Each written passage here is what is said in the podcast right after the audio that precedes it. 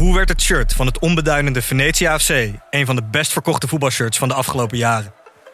Wat is er zo geniaal aan de MLS-deal van David Beckham? En waarom vinden we het normaal dat jeugdspelers gezien worden als investeringsobjecten? In de podcast Grof Geld onderzoek ik, Sam van Raalte, voetbaljournalist, samen met merkstratege Per van der Brink de macht van geld in de voetbalwereld. Wat gaat er schuil achter de wereld van sport en glamour? En wie profiteert er? Luister naar Grof Geld en hoor hoe de Skybox de staantribune beïnvloedt. Dit programma wordt mede mogelijk gemaakt door Toto.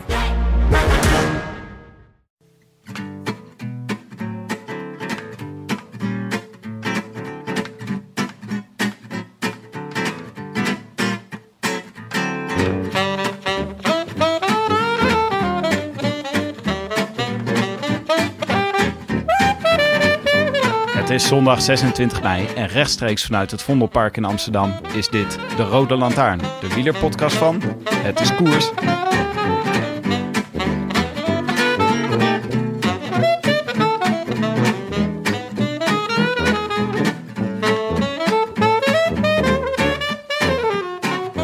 Na een ellenlange aanloop lijkt het serieuze deel van de Giro dan toch eindelijk begonnen. Vrijdag en zaterdag zagen we de eerste echte bergen en vandaag reden we een halve ronde van Lombardije. De ouverture was voor Nibbles en Roglic die elkaar haast kapot soeplasten op een berg en zo de Mobbystars weer in koers lieten komen.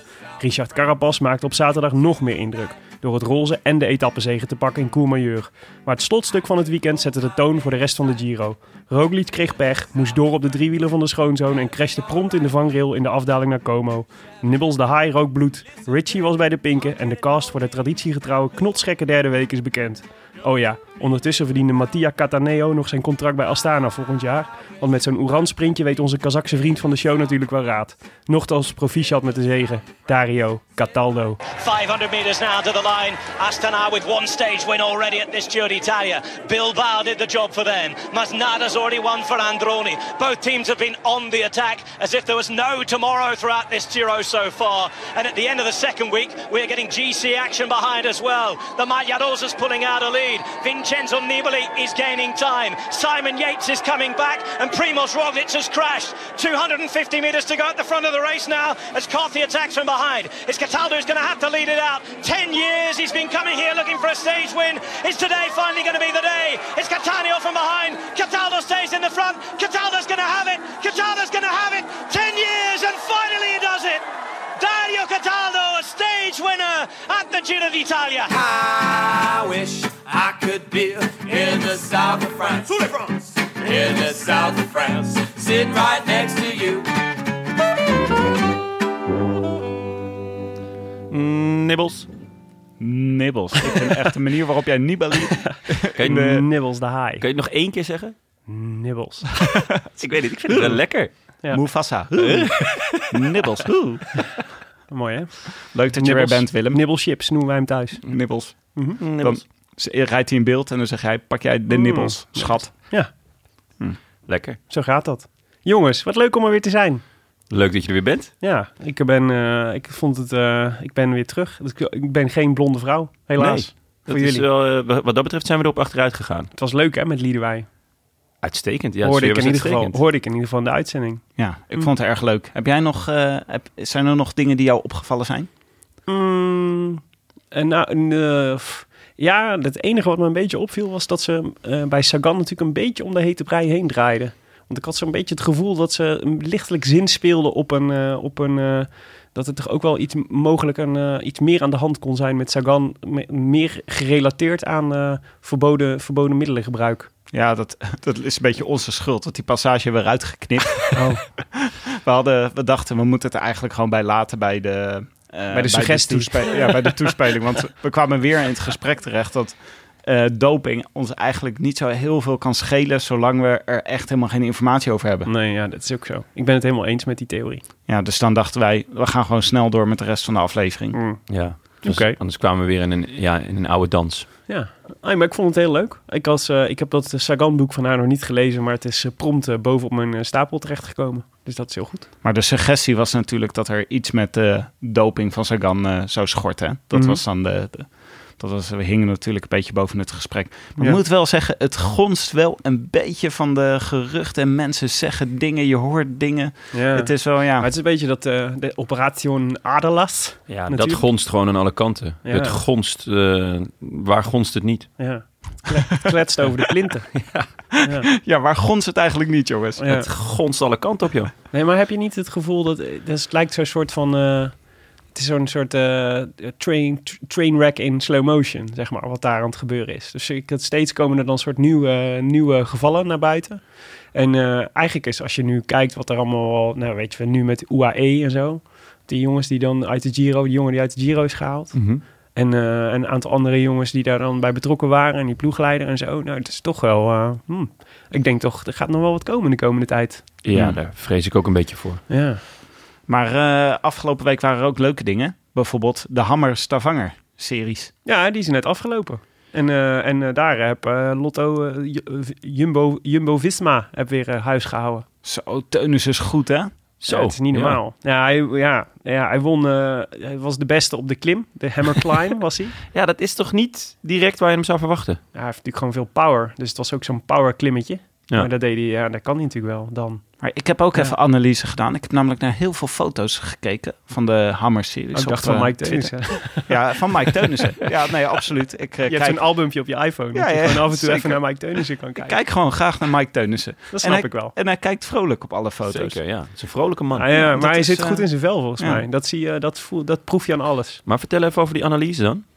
Nou, dit was mijn analyse. Oh, dit was het. En dat hij goed in zijn vel zit. Ja. Ja, maar hij won Lekker. inderdaad. Ah ja, won, ze wonnen met eh, Jumbo Visma. Wonnen ze de, de Hammer Series in Stavanger. Ja, ik wil toch nog even een keer een lans breken voor goed in je vel zitten en niet vallen. En slecht in je vel zitten en wel vallen. Ik moest er vandaag bij Roglic een beetje aan denken. Hm. Dacht ik, ja, voelt hij zich wel zo lekker als wij denken dat hij zich voelt? Of Ja. zit het allemaal een beetje tegen? En dan krijg je van dat soort pechdingetjes. Ja, maar het is een beetje oorzaak-gevolg, toch? Ik denk dat hij nu niet meer zo lekker in zijn vel zit. Ja, Ook letterlijk niet, want zijn vel was eraf geschaafd. ja. Nou ja, de vraag is een beetje of de, wat de oorzaak en wat het gevolg is. Maar Ja. dat is... Nou, ik denk dat de, Ja, aan de andere de kant- oorzaak de kinderfiets van Tolhoek was. Ja, Aan de andere kant is hij vorige week natuurlijk ook al een keer gevallen. hè. En toen zat hij nog wel lekker in zijn vel. Ja, toen maakte hij er zelfs grap over. Ja, Grande Casino. Ja.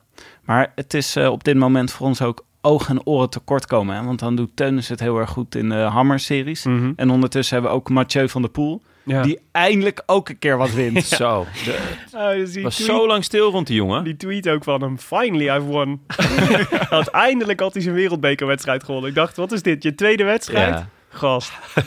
Mooi hoor. Maar je kan wel met je afstandsbediening achter je tv zitten. Maar je komt toch altijd... Je bent toch no- nooit snel genoeg om ergens een Nederlander te zien winnen op het moment. Nee. Nou, ik heb die Hammer Series, daar kijk ik alleen een samenvatting van hoor. Dus verder is het natuurlijk gewoon volstrekt onbegrijpelijke koers. Ja. Ja, het is eh, een ideaal eh, voorbeeld voor onze verrassingskoers. Mm. Ja, de Roland ja, Tuin verrassingskoers. absoluut. En eh, waar we vandaag overigens ook weer een eh, mooie toevoeging aan hadden. Met eh, de fietswissel van, eh van ehm Roglic en, en, en Tolhoek. Ik denk, die moeten we introduceren. Ja, Dat alle renners in één keer drie, frame, drie frame-maten kleiner krijgen, fiets. of, of groter. of groter, Dat is ja. ook wel leuk. Ja. Dat, bijvoorbeeld Tolhoek, die moet dan op die van uh, Haller of zo. En dat hij alleen maar staand kan fietsen. Ja. Stel je voor dat daardoor het speelveld dan ook weer helemaal verandert. En dat sommige renners ineens super goed blijken op een kleinere frame. Ja. Het is een beetje zoals Louis van Gaal, weet je wel. Iemand ineens linksback zetten die gewend was om spits te spelen. Dat er iemand erachter komt. Ja, dat eh, eh, Robert Geesink op een kleiner eh, frame ineens iedereen eraf rijdt. ja, had hij dit maar eerder geweten. Ja, Ja. nou... het is Of, to, of Tolhoek op een fiets met van die, eh, van die eh, klosjes erop. Van die houten klosjes op zijn trappers. dat zijn klosjes. Ja, dat is gewoon van die houten blokjes. Oh. Dat je trappers hoger worden. ik, zat, ik zat gelijk aan spookies te denken, weet je wel, die je vroeger in je spaak had. Oh ja, dat kunnen we ook doen. Dat er zo'n kaart, dat het klinkt als een brommer. je fiets moet klinken als een brommer, anders ben je gedisqualificeerd. Ja, dat, nou, dat is leuk voor Cancellara, want die hoeft zijn fiets dan niet aan te passen. Oh, Oh. Dit zijn echt walgelijke insinuaties. Ja, Echt zeker walgelijk. Tim, die kan echt niet. We hadden ook nog gevraagd over insinuaties gesproken. Tijdens eh, in het gesprek met Liedewij. We, we zagen aan het puzzelen hè, wat er met Sagan aan de hand is. En dat Mhm. blijft denk ik wel even een puzzel. Mhm. Maar we hadden dus een oproep. Nou, de liefdesverdriet-theorie is er nog steeds, vind ik, eh, de mooiste. ja, stond wel zijn paal boven water. Ja. Je merkt ook dat Dat is Liedewij... in ieder geval gebeurd. Liedewij lachte ons een beetje uit. Omdat ze ons naïef vond. Met onze liefdes... Romantici. ons. Romantici, ja. Ja. Ik ben graag een romanticus. Maar zij zei Al jaren. natuurlijk, dat ligt niet aan eh, dat hij eh, liefdesverdriet heeft, maar dat hij nu een vrij gezellenleven leidt. Ja, precies. Ja. En dat, eh, daar, daar draaiden wij natuurlijk Hij ook houdt En van een vodka. En een vrijgezel die gaat pas slapen. Mhm. Als hij alle sterren heeft gezien. Ja. Mag Ze- ik die er doorheen mixen? Nee. Nee? Nee, nee. Veto? Nee, veto. Balen. Ja, daar kunnen we echt niet aan beginnen. Ah. Maar ja, jeetje. Ja, jullie hadden die, eh, jullie hadden dachten, we gaan, eh, we gaan boeken van Liedewij weggeven over Sagan. En dan, eh, en dan vragen we mensen om hun concurrerende theorie met de liefdesverdriet-theorie van ons. En de, en de te veel zuipen door liefdesverdriet-theorie van Liedewij. die konden ze naar ons mailen. Maar ik opende mijn mailbox en het was een soort, het was mayhem. Ja, het was Een tsunami. Het was een tsunami. Ja, ik dacht tien mensen die eh, mailen een leuke theorie, maar dit was echt, eh, mails bleven maar binnenstromen. En Ja. eh, wij maar ons best doen om alle mails netjes te beantwoorden. Ja. ja, ik denk dat we er iets van 50 hebben gehad. Dus je hebt geen minuut Bizar. koers kunnen zien het hele weekend. niet. Ja, de webcare heeft overuren gedraaid. Ja, maar wel echt superleuk. Kunnen we niet een stagiair aannemen voor dit soort, Nou, voor dit soort dingen? ja, ja, ja, dat kan altijd. Ja, maar het probleem blijft toch dat je al die theorieën natuurlijk wel moet lezen. Als je, Ja, als maar je dat vond ik echt geen straf hoor. Nee, ja, maar dan, eh, ik bedoel, daar kan je wel, dat kan wel iemand anders voor aannemen. Maar je moet ze toch zelf Ja, dat is lezen. waar. Ja, nee, dat En je hebt toch ook genoeg rustmomentjes in de koers dat je wel even, even, een, paar, eh, even een paar theorieën Nou, niet, tot je als, eh, niet als Teunus en Mathieu van der Poel op eh, andere kanalen ook zo Nee, blijven. dat is waar. Ja. Dat is Bovendien in de Hammer Series heb je geen moment rust. Nee, Het is eigenlijk vanaf minuut één totale gekkigheid. ja, ja. Een totale gekkigheid. Maar ehm, ik dacht, eh, we, we hadden natuurlijk al enigszins gecommuniceerd over hoe moeten we dit nou aanpakken. Toen dacht ik, ja, we kunnen wel al die theorieën gaan voorlezen, maar dan eh, hebben we een, een recordshow van eh 20 uur ongeveer. Dus misschien moeten we er gewoon eh, eh, drie uitpikken die wij erg leuk vonden. En dan kunnen we die, eh, kunnen we die even voorlezen. En dan hebben we, dat, die benoemen we dan tot de drie mooiste theorieën eh, van het moment over Peter Sagan. Ja. Zal ik, er, eh, zal ik beginnen? Ga je gang. Nou, eh, een leuke theorie kwam van Erik Berendsen. Die zegt, eh kijkend naar de cover van het boek van Liedewij... kan ik maar één oorzaak bedenken van Peter zijn terugval dit jaar. Hoe is het gesteld met jullie bijbelkennis? Daarin staat het verhaal van Simson. Duizend Filistijnen verlaat hij. Onoverwinnelijk blijkt hij te zijn. Zijn geheim, zolang hij zijn haren laat groeien, is hij ontzettend sterk. Hij krijgt kracht van zijn God. Op een gegeven moment komt zijn vrouw Delilah er achter zijn geheim. Delilah in het Nederlands? Delilah. Delilah. Hey there, Delilah. Zij knipt zijn haren af en vertelt dit tegen zijn grootste vijanden. Hij wordt gevangen genomen en blijkt inderdaad niet meer sterk te zijn. Net als in het verhaal verlaat Sa- Sa- Sagan zijn vrouw en rijdt Peter dit jaar rond met een korte koppie. Ik suggereer niks, maar zou Sagan zijn kracht afgenomen zijn na het knippen van zijn haar door zijn eigen Delilah, zegt Erik Berendsen. Het is wel... Ik mag hopen dat de vrouw van Sagan eh, sympathieker is dan deze Delilah overkomt.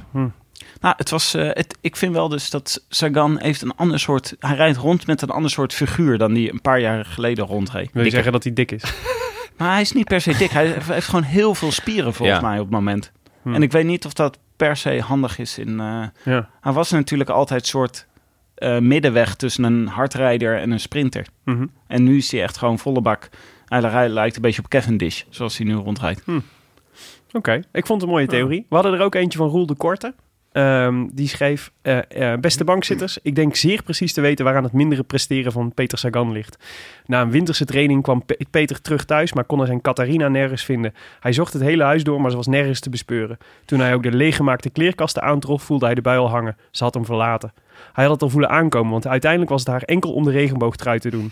Waar hij wel van schrok en wat hem dus vandaag nog steeds dwars zit, is het volgende. Hij vond van haar een afscheidsbrief, maar deze was niet ondertekend met groetjes Catharina. En dat terwijl hij haar altijd als een groetjesmens gezien had. Hoe zal hij ooit nog een nieuwe vrouw kunnen vertrouwen als hij zijn instinct op het vlak van groetjesmensen niet meer kan volgen? Hij gaat op dit moment dus niet enkel door liefdesverdriet, maar door een hele existentiële crisis. Hopelijk gaat het snel beter met Peter en rijdt hij volgend jaar op 150 kilometer van de aankomst met Mathieu weg in de Ronde van Vlaanderen. Met vriendelijke groetjes, Roel de Korte. Belgisch luisteraar, groetjesmens, fan van Stefan Koen en van Renaat. Renaat! Ik hoop er al op. Kon het niet inhouden. Wat een prachtig zin. Hopelijk gaat het snel beter met Peter. Ja, Dat is, eh, is misschien wel leuk voor het volgende boek van Liederwij. sluit ik me, sluit ik me van harte bij aan. We hadden er nog eentje van Niels Kranenburg. Jonne, Ja, zal ik ervoor gaan? graag. Beste podcasters, wat is het toch elke keer een genot om te luisteren naar jullie. Zelf, zelfs Smeetsiaanse trekjes neem ik op de koop toe. Want elke keer is het een genot. Wat is dit voor rare, Die rare intro? trekjes die komen van jou, hoor, altijd, jongen. mooi, altijd mooi om een belediging te verpakken in een compliment. Zwa, sans rancune. Ehm, ja, zal ik doorgaan? ja. Eh, met betrekking eh, tot het mindere presteren van Tsar P, Sagan, kan ik slechts één reden naast liefdesverdriet bedenken. Hier de theorie. Als je al niet lekker in je vel zit en je hoort dat er over jou een boek wordt geschreven door een vrouw met kennis van zaken, want dat was die laatste podcast een genot, en je wordt door je manager slash ploeg niet toegelaten tot deze dame, dan gaat het met je niveau uiteraard ook alleen maar achteruit. Zelf geloof ik heilig in de terugkeer van Sagan, groene trui, vierde WK. En daarmee hoop ik nu al op een tweede boek door Liedewij over Tsar Peter. Nou, daar hebben we dan inmiddels ook een mooie titel voor. Mhm. Hopelijk gaat het snel beter met Peter. Met meer dan vriendelijke groetjes, Niels Kranenburg. Lekker. Outlook voor Android downloaden. Oh, dat laatste. Nee, dat moet je niet doen. Moet je echt niet doen. Nee? Nee? Oké. Nee. Thanks voor de tip. Ja, zeker. Leuk. Dus eh, Niels Kranenburg, Roel de Korte en eh, even kijken. Erik Berendsen krijgen dus een exemplaar van, eh, van het boek van Liedewij over Peter Sagan. Gesigneerd, begreep ik. We kunnen ze nu natuurlijk zelf mailen om een adres te sturen. Vroeger moesten altijd mensen oproepen om het adres naar ons Ja. te sturen. En dan kwam het maar eens in de zoveel tijd kwam het ervan. Maar nu kunnen we dit zelf doen. Stuur ons post at de Rode je NAW-gegevens en dan zorgen wij dat je je boek krijgt. Mooi. Goed. Rectificaties, jongens. Nou, dat was ook weer een feestje, zeg, in de mailbox. Ja. Die mailbox is echt onze grootste blunder geweest ooit. Dat is gewoon een weektaak. Nee, het is heerlijk. het is heerlijk. Stef, Cle- eh, Stef Clement over Roglic. Eh, daar, dat vroegen wij tijdens de uitzending. Eh, iemand had ons erop gewezen dat eh Clement daar al een keer eerder iets over had gezegd. En wij wisten niet meer in welke podcast dat was. Mhm. Of tenminste, wij wisten het niet. En eh, Marcel Veldman meldde per mail. Dit was in de podcast Everyday Riding van Jumbo-Visma. Aflevering 4. Al was hij daar niet zo uitgesproken als aan het begin van deze week. Maar je merkt tussen de regels door dat hij wel wat van Roglic vindt. Zijn interpretatie, zegt Marcel Veldman. Ja, ik heb hem op weg naar, deze, naar de show, heb ik hem eh, naar, op de fiets hier naartoe, naar de studio, heb ik hem nog even teruggeluisterd. En eh, ja, het zit er inderdaad in, maar het is wel heel omvloerst hoor. Dus het is wel een, eh, het is wel een, een in- interpretatie on the edge, vind ik, van, eh, van, eh, eh, van Marcel Veldman. Ja, ik wou net zeggen, want hij is nu, is eh, Clement, wordt aan zijn jasje getrokken van, hey, Mhm. Waarom ben je zo vervelend? Ja. Eh, terwijl als hij dit dus eerder had gedaan in hun eigen podcast, dat zou betekenen dat niemand bij Jumbo-Visma naar hun eigen podcast heeft geluisterd. Wat ik een heel opvallend gegeven zou vinden. Ja. ja, nee, dus het viel heel erg. Het is overigens zeer, aan, zeer aanbevelenswaardig hoor, die Ja? podcast. Ik lees het, luister hem graag. Ik had er het ergste van verwacht, van zo'n gesponsorde bedrijfspodcast. maar hij is echt verdacht leuk. Er zitten meer eh, Jumbo-Visma-rijders in dan in onze podcast in ieder geval. Nou, nou ja, ja. Dat mag ik hopen, ja. Ja, wij We klagen hebben er één, toch? Ja, we hebben alleen uh, Teunissen tot nu toe toch gehad? Ja. Mm, er komt straks verandering in, Oh. maar daarover later meer. Spannend. Eh, een ander eh, hot item, een, eh, hoe noem je dat? Een eh heet brandijzer was eh, waar woont Robert Geesing? Heet hangijzer. Voordat we weer een rectificatie krijgen over, jou, Wat zei ik? over jouw metaforen. Een heet brandijzer. Een heet brand, eh, ja, Heet hangijzer. hangijzer. Of hete kroket. Een, een, een andere hete kroket was eh, dat eh, waar woont Robert Geesing nou eigenlijk? Eh, want wij gaan hem die, wij, wij- ja, die fruitmand is nu onderweg naar hem. Mhm. Maar het was even onduidelijk. Hij is dus een, ons kwam ter oren dat hij een huis in Andorra aan het bouwen is. En wij gingen ervan uit dat hij nog in Girona zat. Mhm. Daar zit hij ook nog. Mhm. Maar Jeroen van Brugge meldt per mail. Robert heeft afgelopen zondag een podcast opgenomen met Mitch Dokker, de knecht van Education First, die een dubbelganger is van New Kids personage Gerry. Robert en eh, Gerry, eh, nee, eh, Mitch, spraken elkaar in Roberts huis in, jawel, Girona. Nou ja, eh, waarom mail ik jullie? Allereerst omdat ik het angstvallig stil vind rond het segment fruitmanden. Ook van Martijn Tusveld horen we weinig meer. Ja, dat is heel zielig, want die kan niet praten. Ja, Nog steeds. nou, dankjewel Jeroen van Brugge. Lekker subtiel, Jeroen. Daarnaast Je is hebt me live- wel een smoothie gestuurd. Maar hij raadt dus de podcast live in de peloton van eh Gerry. Ja, ik heb hem wel eens Hè? Wacht geluisterd. even, dit wordt een beetje... Ja, de podcast van Mitch Dokker raadt hij Van aan. Mitch ja. Dokker. Ja, dat bedoelt hij. Maar het geluid is heel slecht, want zijn snor zit in de weg als hij Oh, opneemt. Oh ja, dat is inderdaad vervelend.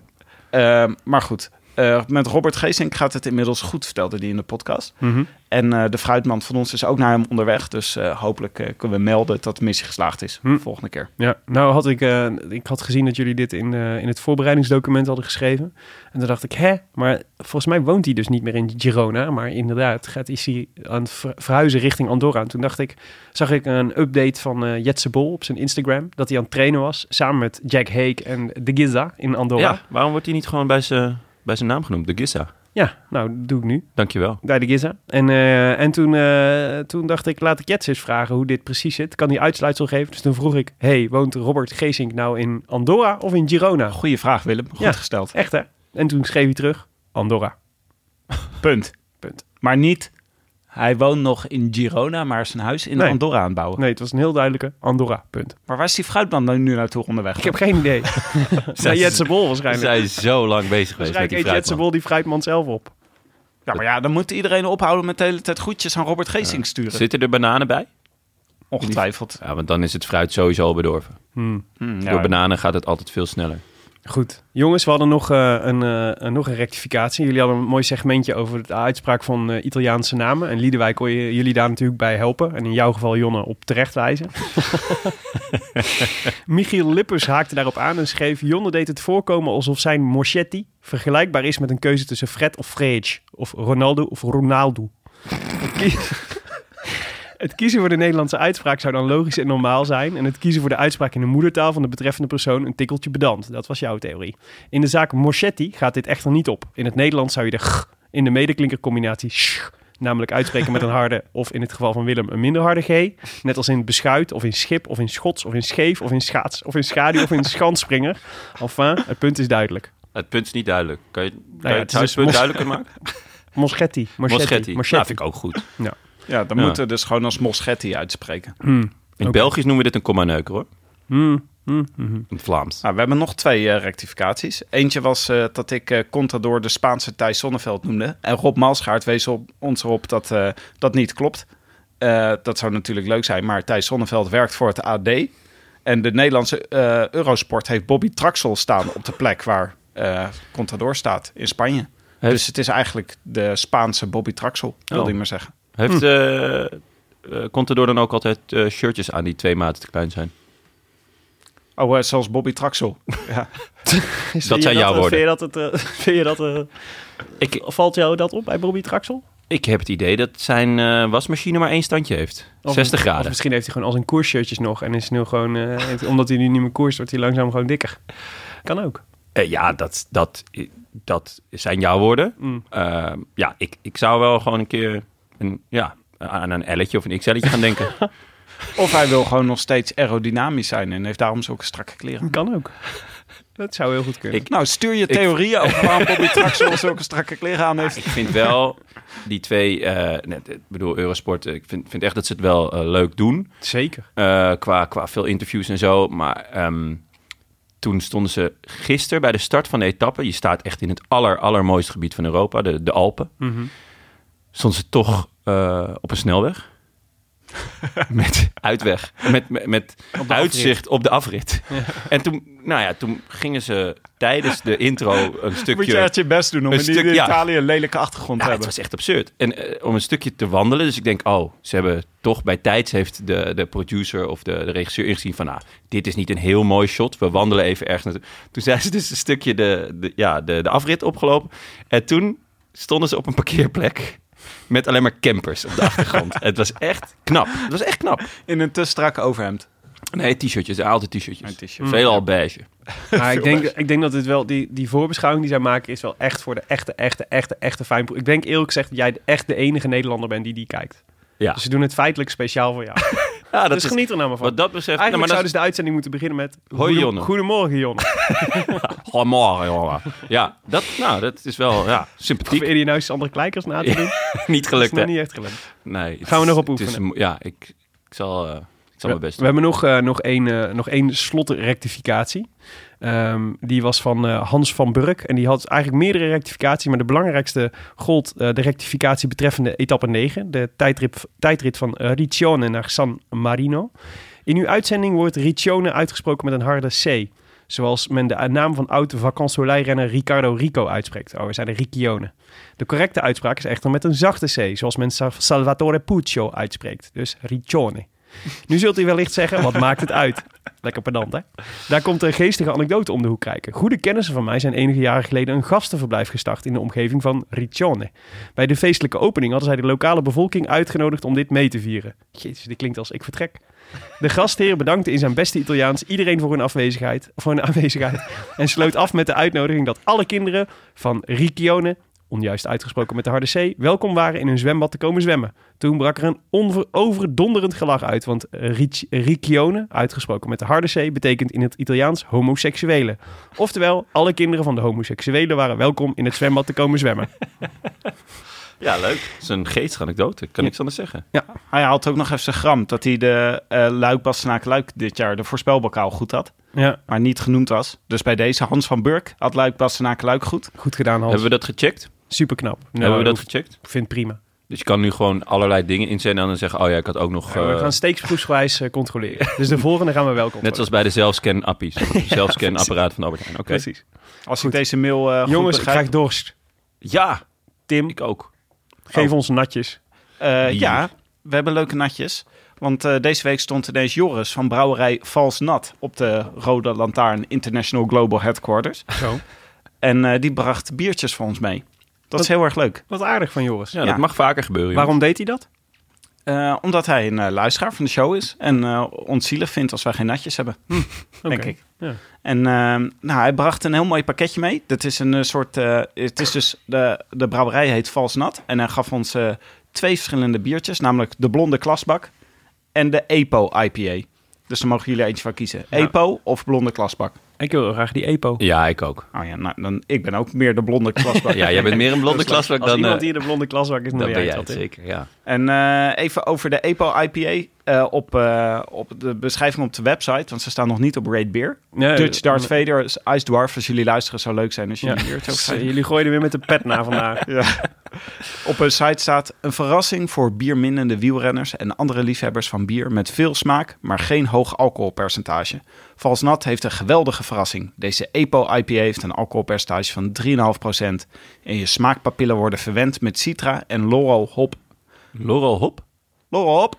Klinkt een beetje L'Oreal. L'Oreal. Lo- L'Oreal. L'Oreal Hop? Met L'Oreal hop. Gebrouwen met biologische mout. Bier is nog nooit zo dorstlessend geweest. Aha. Misschien moeten we dat factchecken. Hmm. Laten we het proberen. Oké. En het leuke van dat ding is, van dat kartonnetje van Valsnat, is dat je hem zo op je frame kan zetten, op je fiets. Ja, zo is hij gemaakt. ik zal daar... Oh, wat handig. ik heb... eh, dus eh, je kunt ja? hem makkelijk vervoeren. Dat is ook echt zo bedoeld. Ja, Wat slim. ik had dat gedaan, net op Ja, mijn fiets. dat- ja, Toen maar heb je ik een dacht foto dat- van me gemaakt. Dat klopt, maar ik dacht dat dat een uitvinding van jou was. Dat je dacht van, hé, hey, dit kan gewoon. Maar dit is er echt voor gemaakt. Nee, dit had Joris van eh Vals Nat had me dit uitgelegd. Wat vet zeg. Ja, ik, eh, de foto's zal ik, eh, zal ik bij de, sh- bij de, de show eh, notes doen. Hoe noem je dat? Ja. Als plaatje. Zo. We gaan hem aanbreken, jongens. Heel goed. Jonne, Op de koers. het parcours van vandaag. Kun jij hem even inleiden? Eh, dat kan ik zeker. Ehm, het was vrij simpel. Eh, f- eh, lange etappe, 232 kilometer. Ja, weer zo'n tering eind. Ja, het was eh, ja, ja, ja, scherp. Eh, ik denk dat de renners daar zo ook overdagen. Ehm, en eh, met het laatste gedeelte was eh, een eh, exacte kopie van eh, de koers van de vallende bladeren. Ja. Ja, de laatste 100 kilometer of zo, toch? Ja. Ja. Ja. Ja, want het was dus niet het begin. Bij, eh, bij eh, de Ronde van Lombardije heb je ook altijd twee kolletjes in het begin. Die zaten er niet in. Nee. Maar het belangrijkste is dat je die muur, die had je er niet in zitten. Hè? Die zo heel erg stijl is en die eh, een beetje controversieel is. Omdat hij de hele tijd in de Ronde van Lombardije zit. De ene keer wel, de andere keer niet. En eh, hier zat hij er dus niet in. Dus de muur van Sormano. Eh, die... Sormano. Sormano. Dat is zo muur- spreek- Ja, we gaan niet pedant doen, hebben we net afgesproken. muur Dus van we Sormano, Gewoon gast. zijn lijst uit. Gewoon met een lei- lekker de muur van Sormano. Schijnt Dat is wel dat, eh, jammer. dispuut Uilenbal daar zijn, eh. Zo'n zijn, zijn dispuut uitje had. Jon, die wou daar nog- nog even lekker demereren, joh. Ontzettend gedemereerd op de muur van Sormano. Eh, dat was wel jammer, want die muur van Sormano heeft eh, een stijgingspercentage tot 27% gast. Dus ja, eh, Ja. jammer dat hij er niet in zat. Ja, nou, dat, maar het was, eh, ik denk ook omdat hij midden in een ronde is, is het wel een beetje pittig. Renners klagen er ook altijd over dat die muur gewoon eigenlijk niet te doen is. Nee, Dus op een gegeven ga moment ga je bijna over de kop. Ja. Als je nog steiler gaat. Proost jongens. Ja, cheers. Op de koers. Ja, ehm, eh, ja nou, dit, dit- dat koersverhaal. Eigenlijk eh, het belangrijkste, of een, een van de belangrijkste elementen was wel de, de vroege vlucht. Ja. Cataldo en Cataneo. Ja, en die kregen 16 minuutjes. Ja. Had je, Maximaal. heb je Cataldo na afloop gezien?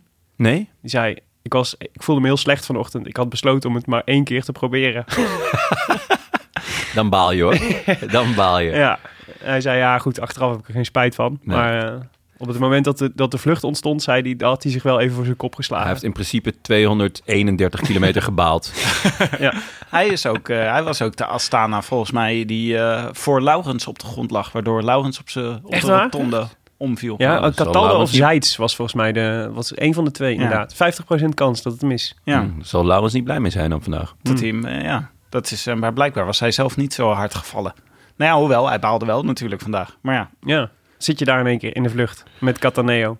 ze kregen ook in één keer, eh, ze kregen heel snel kregen ze heel veel voorsprong. Ja, Ja. 16 minuten. Ja, en maar- ehm, toen eh, de 100 kilometer grens, dat was voor eh Minselton eh, het Ja. teken om, eh, ja, om, om te gaan rijden. Maar ik, se- serieus, als je toch bedenkt... Ik, met Mitchelton reed, en vooral denk ik omdat ze dachten... misschien kunnen we met Yates de etappe winnen, toch? En een beetje Mm. tijd terugpakken. Ja. Ja. Maar alle, ze reden ook voor de etappe. Ja. Ja. Dan is het toch gek om te wachten totdat twee koplopers 16 minuten hebben. ja, aan de andere kant, als Laat ze gewoon even eh, laat ze tot 10 minuten uitlopen. ja, dan, heb je, absoluut. dan is het overzien. Ja, mee Maar- eens. Aan de andere kant, als het gewoon niet zo heel dom... Als Yates had gedemareerd tussen die twee bergjes in... dan, dan halen ze het wel. Dan halen ze gewoon Ja. die, die twee koplopers alsnog terug. Ik bedoel, hij strand, ze stranden nu op eh, 12 seconden of zo. Ja, misschien natuurlijk ook een beetje poker en zo. Tuurlijk, maar ja, is toch, ook zo. ja. Maar nee, Ze ja, hadden het ze is, terug kunnen het is gewoon... Het had alsnog gekund, maar het is dan alsnog heel dom... om ze 16 minuten te geven. Ja. Ja, ik weet niet of Mitchelton dat deed voor de etappe-overwinning of om de koers zwaar te maken. Want dat kan natuurlijk ook zijn dat ze... Yates die voelt zich volgens mij een stuk beter dan in de afgelopen twee weken.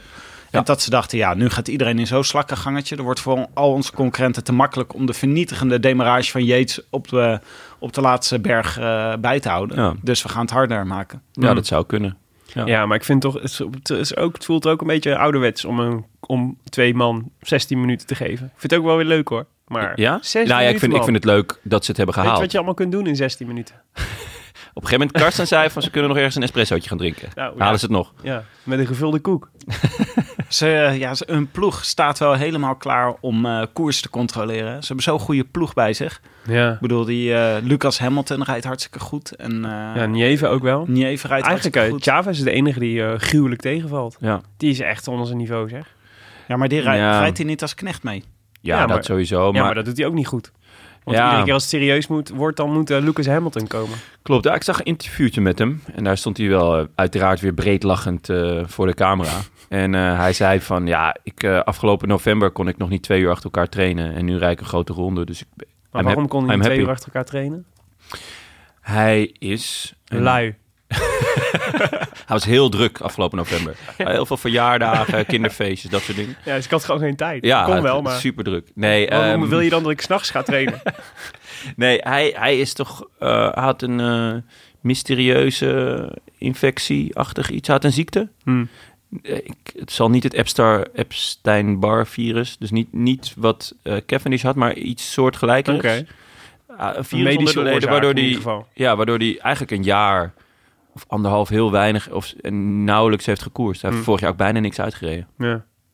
Dus Ik heb het eh, even, maar goed, wat ik heb het even eh, gegoogeld even ondertussen, Live. voordat we rectificaties krijgen. En er Oh. staat dat Chavez in 2013 overleden is.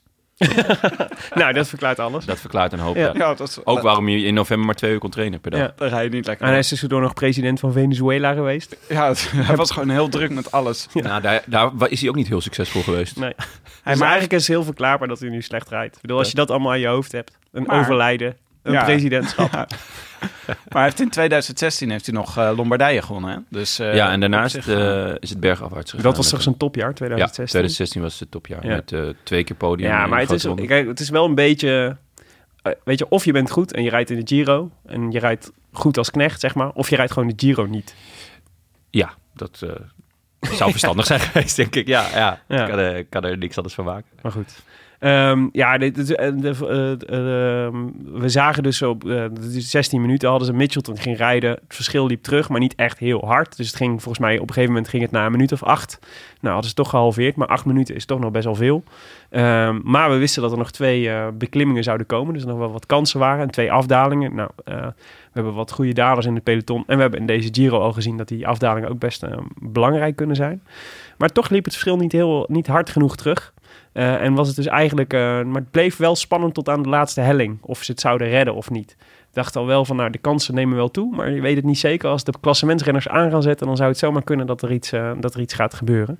Ik vond het ook mooi dat Mitchelton op een gegeven moment gewoon zo afgeklopt werd door Mobistar. Ja, Dat ze zo de hele tijd voorop reden. En op een gegeven moment dacht Mobistar, lekker gedaan jongens, klop klop. En dan gingen ze zo met z'n allen, ja. weet je wel, dit, Mobistar heeft helemaal een goed team bij zich natuurlijk. ja. Wat denken jullie dat, eh, dat eh, Simon Yates van plan was in die, eh, met die demarrage van hem?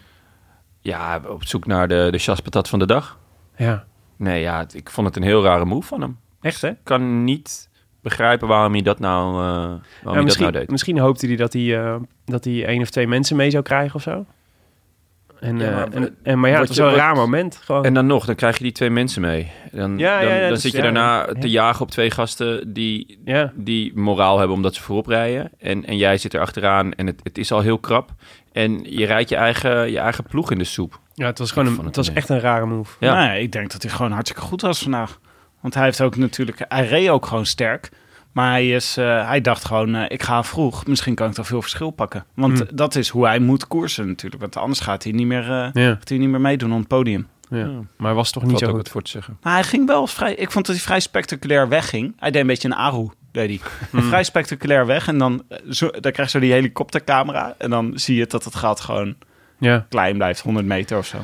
Ja. Maar op een gegeven moment, eh, ik was een beetje in slaap gesukkeld. Althans niet letterlijk, maar wel, weet je, dat kun je soms hebben dat de koers dan net, dat er dan net niet iets gebeurt. En ik werd eigenlijk weer, ik schrok wakker eigenlijk op het moment dat er een hele gekke valpartij was. Namelijk eh, een jongen van Sunweb. En wie, wie lag daar nog meer bij? Ehm, was het niet Bakelands van Sunweb? nee, volgens mij was het eh, Ha- Hamilton van Sunweb. Ja. Ja, en, maar die ging onderuit omdat Ja. een jongen voor hem zijn stuur brak, Ja. leek het. En dat was het moment eigenlijk dat ik een beetje wakker schoot. En eigenlijk niet zo lang daarna was, eh, zagen we Roglic eh, achteraan het groepje rijden. En die had pech met zijn derailleur. Hij reed in zijn eentje ineens in beeld. Ja, Dus toen was Ja, er echt zagen zo, nog niet- hè, wat is er met hem aan de hand? Want hij zag er niet heel gaaf ja uit. tussen de auto's, achter de auto van Sunweb. Er was niet inderdaad geen valpartij, leek het. Maar dat bleek, hij had dus mechanisch pech gehad. Zijn derailleur was, eh, was stuk. En, eh, en wat dus achteraf belangrijk was...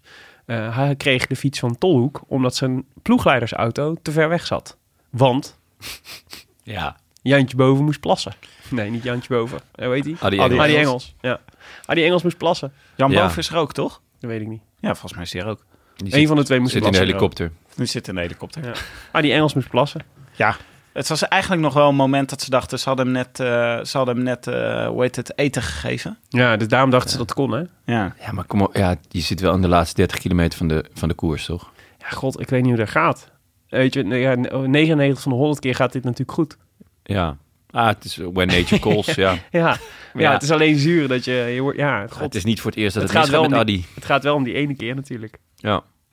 Maar Ja. het is, eh, Wat het is was dat niet met echt eh, een- Nederlanders en ontlasting en de Giro? Jij eh, refereert naar een zeker poepincident. Ja, Ja, nu zeg je me wat. Het was een sanitaire stop en niemand heeft gezegd dat hij om plassen gaat. Misschien was er wel iemand, moest een van hun een camper binnenrennen die aan de andere kant van Dat de weg toevallig daar een camper stond en de eerste 100 kilometer niet. hey, dat is toch die camper van Dumoulin, dacht hij. Daar wil ik ook wel eens Hier, op. hier heb ik echt goede verhalen over gehoord. eh. Als een soort Pavlov-reactie. Dat je dacht, die kan ik niet uitleggen. Oh. Maar goed, hij moest dus door op de fiets van Tolhoek. Ja. En, ehm, ja, die is niet heel anders hoor, volgens mij. Want Tolhoek nee, vertelde achteraf, niet zoveel. hij heeft de, stuur, de stuurpen iets langer. Ja. En het zadel staat iets lager. Ja. Wat ik dacht, dat is raar. Maar goed, dat Ja. is, dat is zomaar hoe je hem af wil, afgesteld wil hebben. Ja. Maar ja, het is toch vervelend. Ja, en het is als je al vermoeid bent en je moet nog een... eh, je, ga- je- zeker, nou, ik kan me voorstellen dat bergop niet zo eens zo gek veel uitmaakt. Maar bergaf lijkt me echt onhandig als je in één keer op een nieuwe fiets zit. Ja. En eh, Ja, het ik was denk, ook ik denk wel... dat het vooral mentaal is, toch? Dat je ineens denkt Nou van... ja, het is ook paniek bedoel, ja, het is een beetje paniek. En dan denk je van, oh, ik moet terugkomen. En dan zit je erbij, zit je een beetje hoog in je hartslag. Ja, En dan daarna, ja, dan zit je toch minder lekker op je fiets, kan ik me voorstellen. ja. En dan denk je ook nog, ja, het is ook nog niet mijn eigen fiets. Nee. Maar wat me opviel was dat ze dus niet eh, nog Astana, nog eh Bahrein Merida gingen, of nog eh, Mobbies, de Mobbies gingen meteen aan. Dus ik Ja, had- terecht ook, toch? Ja, ja, ja, mechanisch, ja. Jij zou dat wel doen? Ik Want zou dan, als ik een keer mechanische pech heb gewoon hier, hard, dan... eh, hard op kop. Ja. ja. ik zou het eigenlijk wel doen. Volgens mij gingen ze wel hoor.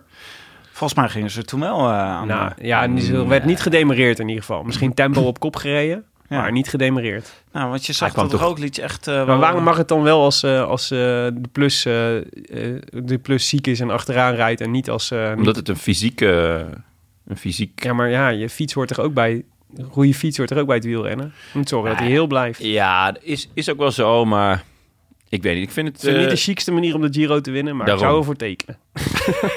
Kijk, dit is dus wel echt de Nibali-methode.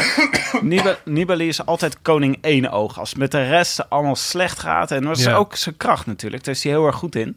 Hij, is gewoon, hij zorgt, eh, zodra jij een zwakte vertoont, Ja. dan, eh, dan gaat Nibali er met de buit vandoor. Vergelijk je hem nou met een haai? Die? Het is, bij, het Wat is een- bijna een soort haai, is het. maar ik denk dat Nibali die is misschien ook in deze Giro niet de, de beste klimmer. Hij is niet de beste daler. Hij is niet de beste tijdrijder. Niet de beste daler? Nee, hij is niet de beste daler. Laten we het daar zo over hebben. Mhm. Maar hij, eh, hij is wel overal goed in. Maar hij is nergens een 9. En, maar hij is wel... eh, nou, hij is overal een 9. Hij is nergens een 10. Ja, daar sluit ik me bij aan. nou, vooruit. En ik vind trouwens hoe die eruit ziet 8,5. wel echt een 10. Ja, zeker. Gewoon gesoigneerd. Goed gesoigneerd. Ja. Ja, maar dat klopt. Ja, Eh, dit, dat- dit, is de, dit is de klassieke Nibali-tactiek. Ja. Gewoon al- iedereen kapot maken en zelf blijven staan. ja, want als Ja. je bedenkt wat voor slagveld er inmiddels eh, eh, achter, achter hem ligt. Dat is Ja. wel echt ongelooflijk. Ja, maar dat, je zag, eh, het is wel waar, dus Roglic kwam terug in de groep. En, eh, en, eh, en de- misschien inderdaad nog eh, in de hoge hartslag of een beetje paniek nog. En denken van, wat, moet- wat moet ik? En Nibali keek hem in zijn ogen en besloot, let's go. Ja. Andiamo. Ja, Dat is helemaal om je moraal te knakken natuurlijk. Precies op dat moment. ja Kan je precies. net even recupereren? Wil je net even dat jelletje pakken? Mhm. Ja, en eh, samen met, eh met eh, eh, Carapaz ging hij er vandoor. Met Yates en eh, Carthy, die waren, al een stukje, die waren al een stukje onderweg. Dus daar konden ze mooi bij aansluiten. En eh, dat, was, eh, dat was dus een mooi, mooi groepje. En toen leek eh eh, Roglic wel echt even onder druk te staan.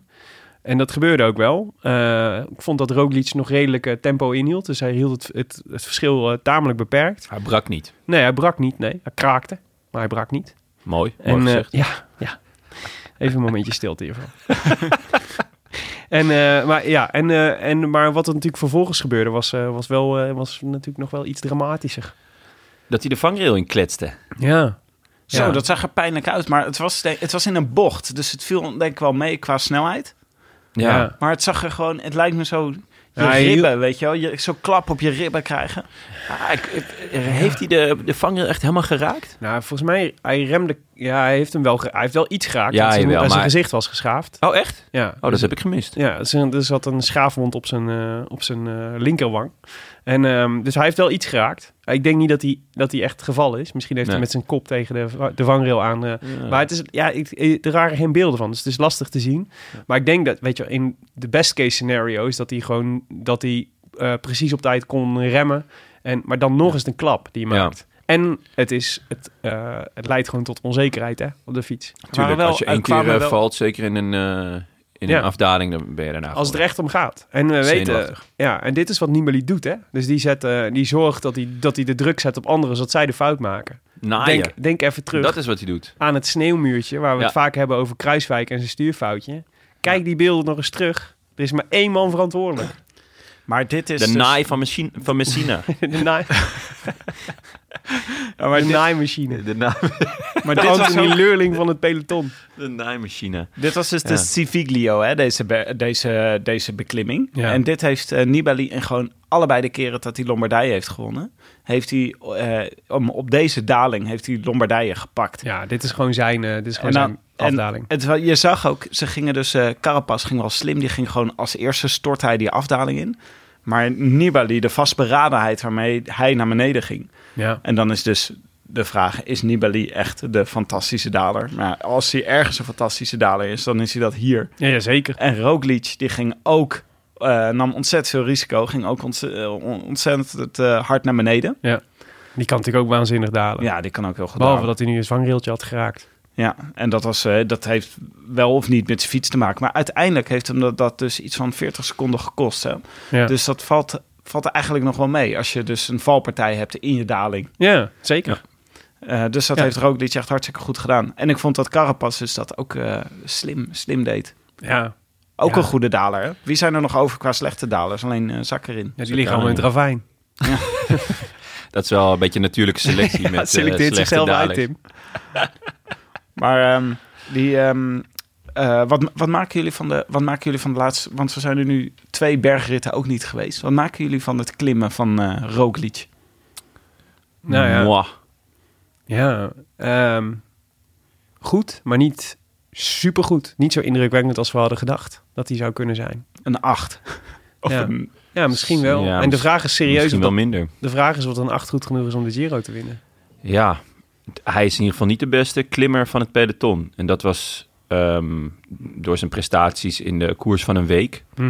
was dat toch ook wel een beetje eh, het idee. Van nou, hij is, hij is wel heel erg goed eh, bergop. Ja. Niet alleen in de tijdritten. Bergop was hij ook gewoon eh, in Romandie zo sterk. Ja. Ehm, ja, de- het valt, om heel eerlijk te zijn, een beetje tegen. in de Tour vorig jaar was hij echt een agressieve klimmer. Gewoon veel demareren en eh, heel Ja, erg ja, overal. Toen had hij natuurlijk echt zoveel vrijere rol nog.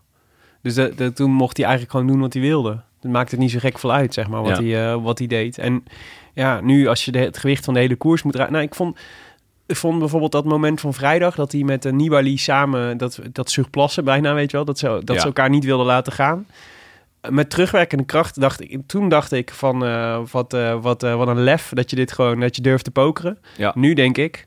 Ik weet niet of dat je echt veel beter kon dan wat je deed. Ja, inmid- inmiddels is dat een beetje. Ik, ik heb heel lang eh, gedacht eh, dat hij zich spaarde. Dat heeft, eh, heb ik met Tim nog vorige week over gehad. Eh, dat die, die etappe die Carapaz won. Ja, En ik dacht toen van, nou ja, hij doet, hij doet gewoon geen trap te veel. Achteraf gezien kan je zeggen van, nou, dat zei Tim toen ook. Van, volgens mij rijdt Carapaz gewoon bij hem weg. ja.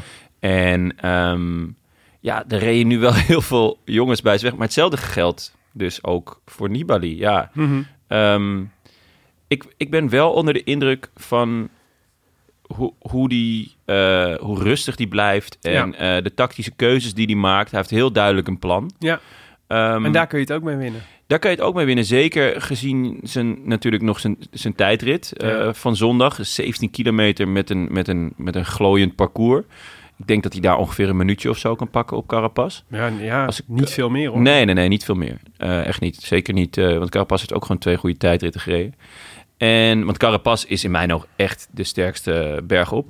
Maar ik vind wel, qua bluff en, en, en, en rust... en vind ik bijvoorbeeld dat Dumoulin, die een beetje hetzelfde type renner is als hij... Ja, hier toch misschien ook wel eh, een beetje naar moet kijken... en, en ja, misschien Ja. ook wel wat van kan leren. Ja, Wat jullie? Uh, Ja. Dumoulin kan wat leren van Roglic, bedoel Ja. je? In, in hoe die, hoe die hier bluft en hoe die hier speelt met, eh, met Nibali. Ja, bijvoorbeeld. En, en ook met de, rest van, nou ja, jullie staan zo ver achter. Ik hoef niet op elke sprong te reageren. en ik ja. hoef niet, ehm, ja ze Eh. hadden overduidelijk voorgenomen. De enige op wie je moet letten is Nibali. ja, Ja. En, en Yates en. Lopez. Want je merkte wel in het begin, toen die weg wilde, dat, dat was absoluut echt geen mogelijkheid. Mhm. Maar ze hebben zich, denk ik wel, gewoon, zowel Nibali als ehm Roglic, echt vergist in Carapaz. Ja. Want Zou- dat is gewoon de sterkste man bergop. Nou, en in Landa. Dus, eh, dus, eh, Ja, maar Landa was zo aan het prutsen die eerste, ehm, Ja, ja, maar- eerste paar weken. Dat, dat het ook. Ja, die- je kan niet op elke. acht maar het mag, het mag... Kijk, nee, maar daar heb je helemaal gelijk in. Maar kijk, Landa en Carapaz stonden echt een end achter. En je hebt ze, ze hebben ze allebei terug laten komen in de koers. Met als gevolg dat je nu twee mobbies in de, eh, in de, in de, eh, in de top hebt staan. Dus dat gaat ze echt, dit gaat ze echt opbreken. Dus ook dat Landa daarin, daar die vrijdag, dat ze die, zo, dat ze die, dat die relatief zoveel ruimte kreeg, zeg maar, is echt een, eh, is, is gewoon een inschattingsfout. En Amador rijdt hartstikke goed, hè? Dat is ook bij Mobistar, die heb je ook nog. Maar de, er, zijn, er zijn twee manieren, je zou op twee manieren nu naar Roglic kunnen kijken, volgens mij. Want er is, aan de ene kant heb je natuurlijk ook het verhaal wat wij de hele tijd vertellen. De laatste week van de Giro gaat het allerbelangrijkste worden. Wat het, alle beklimming in. En misschien heeft hij heel goed gedoseerd. En is hij ook gewoon nog steeds, gaan we nog vuurwerk krijgen van Roglic? Zou best Mhm. kunnen. Ja. Eh, en hij rekent natuurlijk op de laatste tijdrit. Ik zat er ook te denken, het doet me een beetje denken aan Dumoulin vorig jaar tijdens de Giro en de Tour. Is dat hij een beetje tekort had aan wapens. Hij kon zeg maar met de springveren niet echt meekomen. Dat had dat probleem Mhm. had Dumoulin een beetje. En hij kon zelf ook niet echt demereren. En Roglic is misschien wel een beetje meer op Dumoulin gaan lijken dit jaar. Dus een iets, eh, no- nog een stap gemaakt met tijdrijden. Hij kan nu Dumoulin gewoon op, opleggen met de tijdrijden. Dus misschien ook wel iets van zijn agressie daarmee verloren gegaan. Ja. Want Ja. ook in de voorjaarskoersen was hij niet de agressieve renner die hij vorig jaar in de Tour was. Nee. Ja, nee, dat, dat klopt. Hij, hij heeft wel aan explosiviteit verloren, lijkt het wel. Eh, aan de andere kant, in Romandie, eh, Ja. waar hij zijn best niet eens deed... eh, wint hij nog even het sprintje in een, in een eh, bergetappe met een lastige aankomst. Dus Ja, dat is het, waar. het lijkt toch ook wel heel erg dat hij gewoon... Nou, misschien toch iets te vroeg gepiekt heeft. Ja. Waar iedereen al de hele tijd over zei van... ja, die, die piekt te vroeg, die piekt te vroeg. Ja. Ehm, Te Ja, vroeg het in het ook- seizoen, hè? Niet te vroeg in de Giro bedoel je, gewoon te vroeg in het seizoen al. Ja, nou ja, als je dus Romandie is een week voor de Giro, als je dan al heel goed bent, eh, ja, Ja, dan was daarvoor was hij ook al goed. ja, ja, zeker. Ja. Dus hij heeft Eh, gewoon... Gewoon elke rittenkoers waar hij aan meedeed, heeft hij gewonnen dit jaar. Maar dit was toch ook gewoon, dit was toch precies het scenario, eigenlijk het tot nu toe precies het scenario zoals we hadden gezegd in de voorbeschouwingsaflevering. Namelijk, die, eh, waarschijnlijk trekt hij de goede vorm, trek je de, trek je de eerste weken door en de vraag is of je de derde week nog steeds goed bent. En dat gaat de grote uitdaging worden voor Roglic. Ja. Nou, ik zou zeggen, na dit weekend, de voortekenen zijn niet best voor Primos. Ik zou Nee. Yates ook niet afschrijven hoor. Nee, die, is, eh, die staat ver naar achter. Maar hij is, eh, hij was, vandaag was hij al wat meer Yates dan, eh, dan de eerste twee weken. Die gaat Ja, nog maar- gekke dingen doen. Die nog gekke hij dingen gaat nog gekke Hij dingen staat, wel echt, hij staat wel echt te ver om nog te kunnen winnen, denk ik. Maar het is, ja, nee, die gaat wel gekke dingen doen, ja. Hij staat op eh 5,24 van Carapaz. Hij is er doorheen gekomen. Ja. Dat is knap. Ja, want hij was eh, vrijdag was het hè. Daar was hij echt eh, Ja. ver naar achter. Ja. Ja. Nou ja, en de, en de tijdrit ook natuurlijk. Wat ik wel echt raar vind hoor. Zo wisselvallig van Yates. Ja, dat is gek hè? Dat is echt een eigenschap, daar begrijp ik echt helemaal niks van. Dat kan, ik kan gewoon niet, de, maak je dan de hele tijd fouten? Eet je niet goed? Ja, maar het is kennelijk... Het gerucht gaat dat er maar één goede Yates is. En dat ze die om het jaar geeft ze die een andere voornaam. Ja, dit Dus dit nu is, Ze hebben nu weer Adam en opgesteld. die kan niet elke dag rijden. Nee, die kan niet elke dag rijden. moest nu weer ergens anders zijn. Dus nu eh, Ja. hadden ze vrijdag Had een kinderfeestje Ah. Hm. met Chavez. Maar het is bij, bij Yates is wel, het is wel een probleem. Nou, de Vuelta heeft hij natuurlijk goed gedaan. Dus eh, laten, we niet, eh, laten we hem niet te snel afschrijven. Maar het is natuurlijk wel een probleem als je... Je had altijd had je renners die dan, die dan minimaal één of twee in, grote inzinkingen in een ronde hadden. Waardoor je ze, ze eigenlijk nooit een echte grote ronde kon winnen. Dus misschien is eh, Simon Yates wel zo'n soort renner. Ja, maar je had een rare... Het, in de opbouw van de carrière Michael van Yates... had dat ook altijd. Hij kwam er heel duidelijk aan. Toen reed hij de Giro en vergiste hij zich. Ging die te, sprong hij te Ja. onvoorzichtig met zijn krachten om. En toen kreeg de Vuelta, daar sprong hij niet onvoorzichtig met zijn krachten om. En toen was hij eigenlijk gewoon oppermachtig. Ja. Was hij echt heel erg goed. Dus je zou zeggen dat als hij nu weer de Giro gaat rijden... is er geen reden om aan te nemen dat... waarom zou hij ineens in, Hmm. zich vergissen in een klimtijdrit? In, dat Nee, hij dat is niet goed raar. een berg op komt. Nee, dat, dat maar is ook, ook zo. vrijdag weer. Het is, eh, maar het is wat dat betreft ook een raadsel. Maar hij was, om heel eerlijk te zijn, ook gewoon in alle rittenkoersen van een week dit jaar gewoon niet zo heel goed. Hmm. Eh, en daar waren elke keer waren daar verklaringen voor met eh, slecht weer en in een verkeerde waaier zitten en eh volgens mij een Huiswerk. keer- ja. En een keertje ziek geweest of iets De dergelijks. hond had zijn huiswerk opgereten. en er overheen geplast. En dat is... Ja, uiteindelijk was zijn vorm vorig jaar na aanloop van, na aanloop, eh, van de Giro Ja, echt veel wel beter. veel indrukwekkender. Ja. Ehm, hij was wat dat betreft ook wel meer een vraagteken. Maar misschien heeft hij ook gewoon wel heel erg gefocust op die derde week. Zoals Chris Froome vorig jaar. Ja. Want die stond er vorig jaar aan het begin van de derde week ook, dramatisch voor. hopeloos voor. Ja, nee, zeker. Nee, er kan nog van alles gebeuren. Ja, er is echt zo. Er kan nog van alles gebeuren. Zou er een playbook van Dat eh, is een statement dat je hier maakt. Dat er in zijn plan staat... Nee, ik zou... Tijd verliezen, tijd verliezen, tijd verliezen. En dan ga je op, de, eh, op woensdag, aanstaande woensdag, ga je op de eerste berg. Dan Ja. rij je iedereen op een hoop in één etappe. Nee, dat is het plan. Ik zag, die, eh, ik zag eh, een van die jongens van Wielerflits twitteren dat als er, ehm, als er niks geks gebeurt, wint ehm Carapaz de Giro. Toen dacht ik, ja, Ja. maar in de derde week van de Giro gebeurt er per definitie iets geks. Ja. Dus Ja. dat is een beetje een makkelijk statement. Ja. Bob Jongels gaat hem gewoon weer gaat hem gewoon pakken. Young Bubbles gaat moi. ja, kun je wel Gaat zeggen. behoorlijk moi. Hey, Ja. nog, even, nog even om de etappe af te maken. Dus, Oh, eh, oh ja, want, daar waren want we waren in de afdaling met Nibali, die ehm, eh, op, het vla- op het vlakke weer bijgehaald werd. Ehm, en die, eh, die met, een, met zijn groepje nog bijna bij de twee koplopers kwamen, Cataldo en Cataneo. Ehm, en eh, ja, die sprint, moeten we het daar nog over hebben, jongens? Is dat, vonden jullie hem koosjer? Prachtig. Nou, eh, Ik ja, zou er gelijk voor tekenen. je zag dat Cataneo deed ook het meeste werk. Dus dat is al vroeg in de Nee, etappe. Cataldo deed echt al heel veel werk. Zeker op het laatst. Maar in het begin zat Cataneo de hele tijd voorop. Hmm. Toch? Nou ja, de laatste kilometers was echt... Was Cataldo was degene die voorop reed. De hele tijd. Hmm. Ja. Maar er gingen... Kijk, ik weet niet met wat ze betalen in eh maar kijk, daar gingen natuurlijk al, ik denk dat eh, wel wat de roebels die kant op zijn Ja, er was al een soort, eh, er waren al transfer rumors voor deze vlucht. Namelijk dat Cataneo op het lijstje staat van Astana om, volgend, om ze volgend jaar te versterken. Aflopend contract en ze hebben al interesse getoond. Ja, ja, ja. Ik denk dat het beklonken 1 en is. 1 is 2? Ja. Nee, maar hoe hij die sprint aanging, kom op zeg. Een oerannetje. Ja, dit was wel echt een klassiek oerannetje, ben ik bang. Ja, Misschien dat hij dan vol- volgend jaar eh Cataneo Cataneo heet. Goed. Ehm, so good, you gotta name him twice. eh, ja, precies. Maar goed. Ehm, Oké, nou, dat was de rit. Eh, Cataldo won hem. En tot zijn eigen verbazing en verrassing. Wel leuk, hè, dit soort etappes. Ik vind het gewoon eh, voor zo'n parcours, het werkt gewoon supergoed. Zo'n, Zo'n muurtje. ja, nou, het is niet iets, Iets meer dan een muurtje. meer dan een muurtje, maar ook dat er nog een afdaling achteraan zit. Met Ja. zo'n goede vangrail.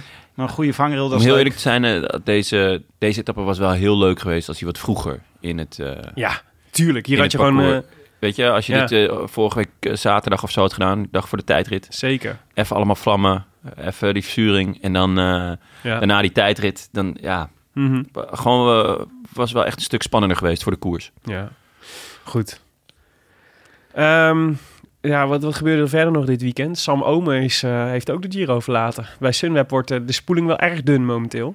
Ja, die eh, rijder nog. Paul- Chad, Chad Haga. Ja, Hamilton, Hamilton. Bakelands. Bakelands rijdt nog. Ja, wie is nummer vier? Haga, Hamilton, Bakelands en... Goh, goeie vraag. Nummer vier. Vervaken zit er niet meer in. Nee, die is, Nee. eh, die is naar huis. Power is naar huis, Haga is naar huis. Oh. Nou, wat erg dat we dit niet weten. Zielig ook voor die jongen. die eigenlijk voor niks de Giro rijdt. Ja, Ik wij zaten al eh, over Michiel Het is- Elijzen. Het Hindley. Ja, Hindley. Ja, ja, ja. Hindley? Ja. Hindley. ja, ik weet ik veel. Eén van de twee. Die reed vandaag ook best wel goed. Het Die- wordt steeds respectvoller over Hindley. Ja. Hindley. is 20ste op 1,27. ja, dus dat is best goed Dat is wel goed, ja. Ja. Dat is wel goed. Maar goed, ja, wat koop je ervoor? Helemaal niks. Kwam samen met Madouas binnen. Nee, we moeten echt concluderen dat de Giro voor Sunweb echt een, eh, een, een tragedie is geworden. Ja, en als ze niet oppassen, gaat, eh, kan je dat voor het hele seizoen zeggen. Want het voorseizoen was matig. Ja. En eh, als... Nee, Kees Bol, hè?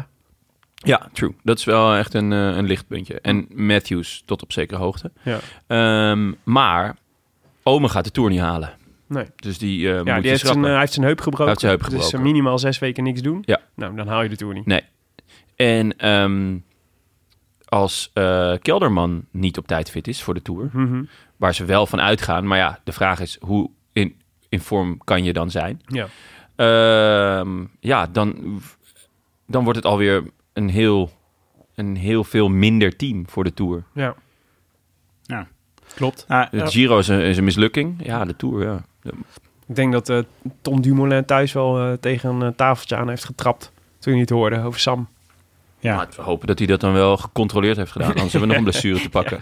Als ze morgen een bericht krijgen dat Tom Dumoulin zijn teen gebroken heeft. Oma was ook niet zo seizoen heel compleet. goed, hè? Ik bedoel, hij zat er niet zo heel lekker in. Ehm, is ook we niet zo kregen nog een vraagje van Jacco Leeuwerink over, eh, over eh, Sam Ome. Die zegt, Ome geeft in een interview op Wielerflits de voorkeur aan een vrije rol. Daar kan nog een extra voordeel bij komen, zo weet hij. Misschien rolt er dan ook nog een mooi klassement uit. Zucht, zegt Jacco Leeuwerink. Zo werkt het toch meestal niet? Als je de kans zo groot mogelijk wil maken dat je een etappe kunt winnen... dan moet je expres of semi-expres tijd verliezen op een andere etappe en het klassement dus bewust uit je hoofd zetten of expres om zeep helpen. Ik heb deze frustratie al heel lang, schrijft hij. Laurens ten Dam en Bauke Mollema hadden hier ook altijd een handje van. Dan zeiden ze in een interview, goh, ik ga gewoon elke dag mijn best doen en dan zien we wel. Ja, ik interpreteer een vrije rol toch iets anders dan Ik ook. eh, het gaan voor etappes. Dat Nou, hoeft niet per se hetzelfde te zijn. Dat je in een vrije rol dat ze gewoon k- zeggen van... kijk maar even hoe je er na een week voor staat. Ja, En dan gaan we, dan gaan we beslissen wat jou En- precies jouw doel Ja, Bovendien- maar ik snap hem wel. Want het kan niet... Het is, het is, hij heeft wel gelijk. Het kan niet per se samen. ja jawel hoor. De- het kan. Eh, hoe heet die? eh Warren Barguil. Ja. Eh, het laatste jaar voor Sunweb. Toen eh, die, die ging voor een klassement naar de Tour. Mhm. De eerste week was dramatisch. Werd aan alle kanten werd hij, eh, werd hij aan gort gereden. En toen ehm, ergens tweede week kwam hij er een beetje doorheen. En toen dacht hij eh, ineens van nou, YOLO. Dat, dat- ja, Ja. Ja, YOLO. En eh, dat de, de bolletrui wel wat voor mij is. Toen ging hij de bolletrui en aanvallen. En toen won hij twee ritten en de bolletrui. En hij werd tien in het klassement. Ja, oké. Dus het kan wel. Ja, maar oké. Maar dan heb je een strategie en dan kom je erachter... Dit, dit doel ga ik niet halen, dus ik verzin een nieuwe strategie. Wat denk ik het probleem is van Jacco, en dat voel ik ook wel... is dat Ome dan aangeeft, hè, dus van... eh, van eh, wat, hè, het eh, Dumoulin is eruit, wat ga je doen? Ik krijg een vrije rol. Nou, ik ga, ik ga aanvallen en misschien rolt daar wel een mooi klassement uit. Maar, het, zeg maar dat tweede is, is een, een leuke bijkomstigheid. Dus je moet, de basis is, je moet gewoon voor mooie etappes gaan, mooie etappes uitzoeken en daar keihard voor gaat gaan rijden. En aan het einde kijk je wel waar je dan uitkomt. Als je gaat, etappes gaat proberen uit te zoeken omdat je denkt, misschien komt er ook wel een mooi klassement uit, dan win je die etappe per definitie niet en dan word je twintigste. Ja. Ja, maar het is ook. Dus het is gewoon een keuzes maken, Ja, dat is het volgens het is, mij. Denk, het, is, het hangt er vanaf. eh, Er is denk ik een groot verschil tussen de- eh, achter de schermen en voor de schermen. Dus dit is ook een beetje een laffe manier van communiceren. Weet je wel, de, de hele tijd zeggen: ja, ik kijk wel van dag tot dag en ik heb een beetje vrije rol. En ik zie wel wat we gaan doen. Ja. Eh, ik neem aan dat hij achter de plannen wel echt een serieus plan heeft. Maar het is voor de, Nederlandse, voor de Nederlandse ploegen wordt vaak op zo'n manier gecommuniceerd. En ik vind dat ook een beetje irritant. Dat ik gewoon denk, ja, zeg nou gewoon, ik ga voor een klassement. Ik ga gewoon proberen. En als dat niet zo is, Ja. dan kan je altijd nog je plannen verleggen. Ja, maar daarom- Het is echt geen schande als je na een week zegt, nou, klassement zit er toch niet in. Maar hij ga nu noemt voor nu- etappes. Hij noemt nu Bauke Mollema. Dat, die vind ik nou, die is juist een voorbeeld van wat hij in deze Giro super goed doet. Namelijk gewoon zeggen, ik rij hier voor het klassement. Gewoon focus. Ik kan het er Ja. niet mee eens zijn. Ik heb liever dat Bauke Mollema voor, eh, voor eh, vette etappes gaat... in plaats van voor een eh, zesde of vij- zevende plaats in het, klas, in het algemeen klassement. Hoe knap dat ook is. Maar hij, vind jij dat? Wat? Heb, heb jij liever dat... eh, Ja. ja? Ja, ik vind het leuker als hij voor etappes gaat. Ja? Ik vind het toch ja, lekkerder ik als je voor een klassement gaat. Ja, maar, ik, ah, ja, maar dan, dan hang je de hele tijd... Dan heb je het groepje favorieten en dan Mollema. Dat is toch niet leuk? Nee, maar je kan, dan heb je tenminste iets om op te hopen. Ja, nou ik ja, hoop ik dan hoop, gewoon dat hij er nog bij zit. Ik hoop gewoon dat iedere Dat keer in de vlucht... Ik vond die Vuelta van vorig jaar, waar die, eh, waar die zo iedere keer in de... Was dat de Vuelta? Ja. Waar die iedere keer in de vlucht zat. Dacht, daar heb ik echt heel erg van genoten. Ja. Daar was hij dan weer iets te, iets te ruimhartig met zijn, Ja. met zijn krachten. Nee, maar ik vind het niet dus heel goed. Nu zegt hij gewoon in elk interview, ja, ik ben hier voor het klassement. ja. En ik probeer dat zo, dus ik probeer eh, de schade zoveel mogelijk te beperken. En eh, dan betekent dus ook dat je niet in eh, dat je af, dat je alleen meegaat als je je energie kunt sparen, zoals in een groep van 19 man. ja. Maar anders niet. Wat echt heel vet was. Ja. Dus Jacco, ik, I feel your pain, boy. Ben het ermee eens. Goed. Laten we even kijken naar de stand. Eh, waar we nu staan. Wel Aan de vooravond van de, van, de, van de tweede rustdag. En de vooravond van de derde zware week. Ehm, Het is leuk om even terug te kijken naar het klassement van, eh, van een paar dagen geleden. Ja, Toen we ja, onze van jullie vorige Liedewij, aflevering eh, Liedewij-episode. Ja, toen zag de wereld er heel anders uit. Zo, ja. Echt een heel andere... Met name Dat- voor Amaro Antunes Ja, we hadden gewoon echt... en Nans Peters. Nans Peters. Ja, we hadden, we, we hadden toen nog geen berg gezien. Nee. En Valerio Conti stond eerste met Roglic op 1 minuut 50.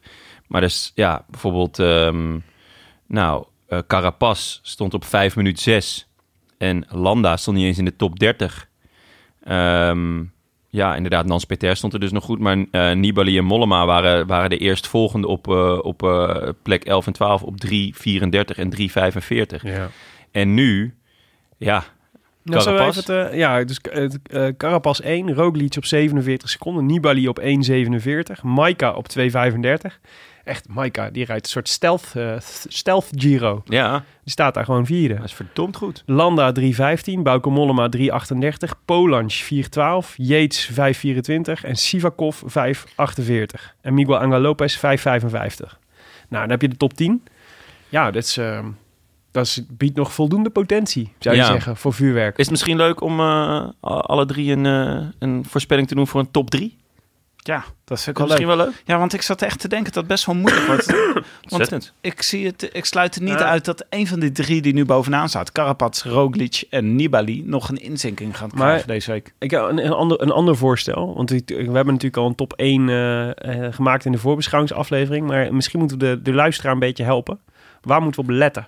Als je deze 10, top 10 ziet, zeg maar. Wat zijn dan de scenario's die zich zouden kunnen ontvouwen in de komende, in de komende week? Nou, je gaat natuurlijk eh, Nibali krijgen, die gaat aanvallen de komende, de komende etappes. Die gaat gewoon, eh, die heeft zijn zin er gewoon op gezet om eh Roglic en Carapaz voorbij te gaan. Carapaz mag waarschijnlijk niet meer rijden van eh Bahrein Merida. Mhm. Ehm, ik vind wel de Mobby-stars heel erg dominant. Dus het is leuk om te kijken naar wat Landa en Carapaz samen gaan doen. Ja, Die moeten nog tijd gaan pakken. Ja. Het gaat ploegenspel worden in de laatste week. Ja, ik, ik, ik vrees dat Nibali wel genoeg plannen heeft en ook wel genoeg eh, team, want zijn team is wel sterk. Ja, vooral Caruso vind ik goed. Ja. Ja. Ehm, alleen denk ik dat hij zelf gewoon de, ja, de kwaliteiten bergop niet meer heeft. Kijk, natuurlijk, het is Nibali, dus je moet hem nooit afschrijven. Ehm, maar ja, ik, ik, ik, ik zet mijn geld op, eh op Carapaz. Gaat er nog een etappe komen? Want ik heb het gevoel dat Nibali en Roglic allebei er niet super lekker in zitten bergop. Gaat er nog een etappe komen dat er iemand gaat aanvallen waar ze allebei verstek moeten laten gaan? Ja, Carapaz, zeker, Met, met dinsdag. Carapaz. Maar misschien ook wel met Landa. Ja, Ja, maar- ook. Die, ga, die kunnen gewoon allebei gaan. En eh, ik, Dinsdag? ik heb het idee dat ze... Nou ja, ze kunnen om de beurt gaan. En, ze, Ja. en, en, en Nibali en Roglic hebben niet... En die etappe van vrijdag waren ze echt allebei de beste klimmers. Stel, dus Ja. d- d- als je die twee in één team hebt. Ja, ja Landa die- en Carapaz bedoel? Ja. ja, ja. ja.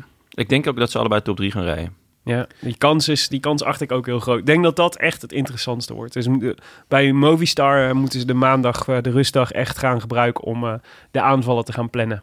Want, eh, nou ja, we- dus- Maar daar praten ze niet met elkaar, toch? Ja. Ja, het is allemaal dit is- tijd aan tafel. dit is het ze probleem. Niet, ja, daar zijn ze niet heel goed in. Nee, nee, dat is echt een probleem. Maar Landa, je moet je aan de teamorders houden. Landa, ik praat tegen je. Oké? Ja, we zitten allemaal chagrijnig aan tafel, ondanks dat het supergoed gaat. Nee, maar dus Carapaz staat nu op 47 seconden voor op Roglic. Nou, om veilig te zijn, zeg maar, heeft hij denk ik eh, anderhalf, twee minuten nodig in de, voor, Voor de, die tijdrit. Ja, een beetje Ja. speling. Je weet nooit wat er gebeurt. Dus ze moeten nog iets. Ze moeten nog aanvallen. Want het is niet genoeg. Nou, komen Ja. er genoeg kansen. Maar Roglic moet ook iets, want die gaat hier ook niet gerust op zijn.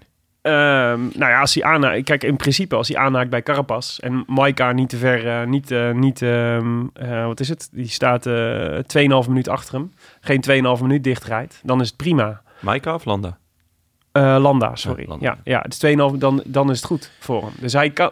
Denk je dat, dat, dat Roglic na die tijdrit van zondag met 47 seconden achterstand gaat en denkt... Kat in bakkie. Kat in bakkie? Nou ja, ja, what's the alternative? Ja, dus dat hij, dat hij nog iets gaat proberen. Ja, Maar ik denk dat hij dat te risicovol vindt. Dus ik denk als dat de keuze is, zeg maar. Dus of ik ga, ik ga aanvallen en ik heb de kans dat ik op een counter loop. Of ik ga met 47 seconden die tijdrit in. Hè, dat is hypothetisch.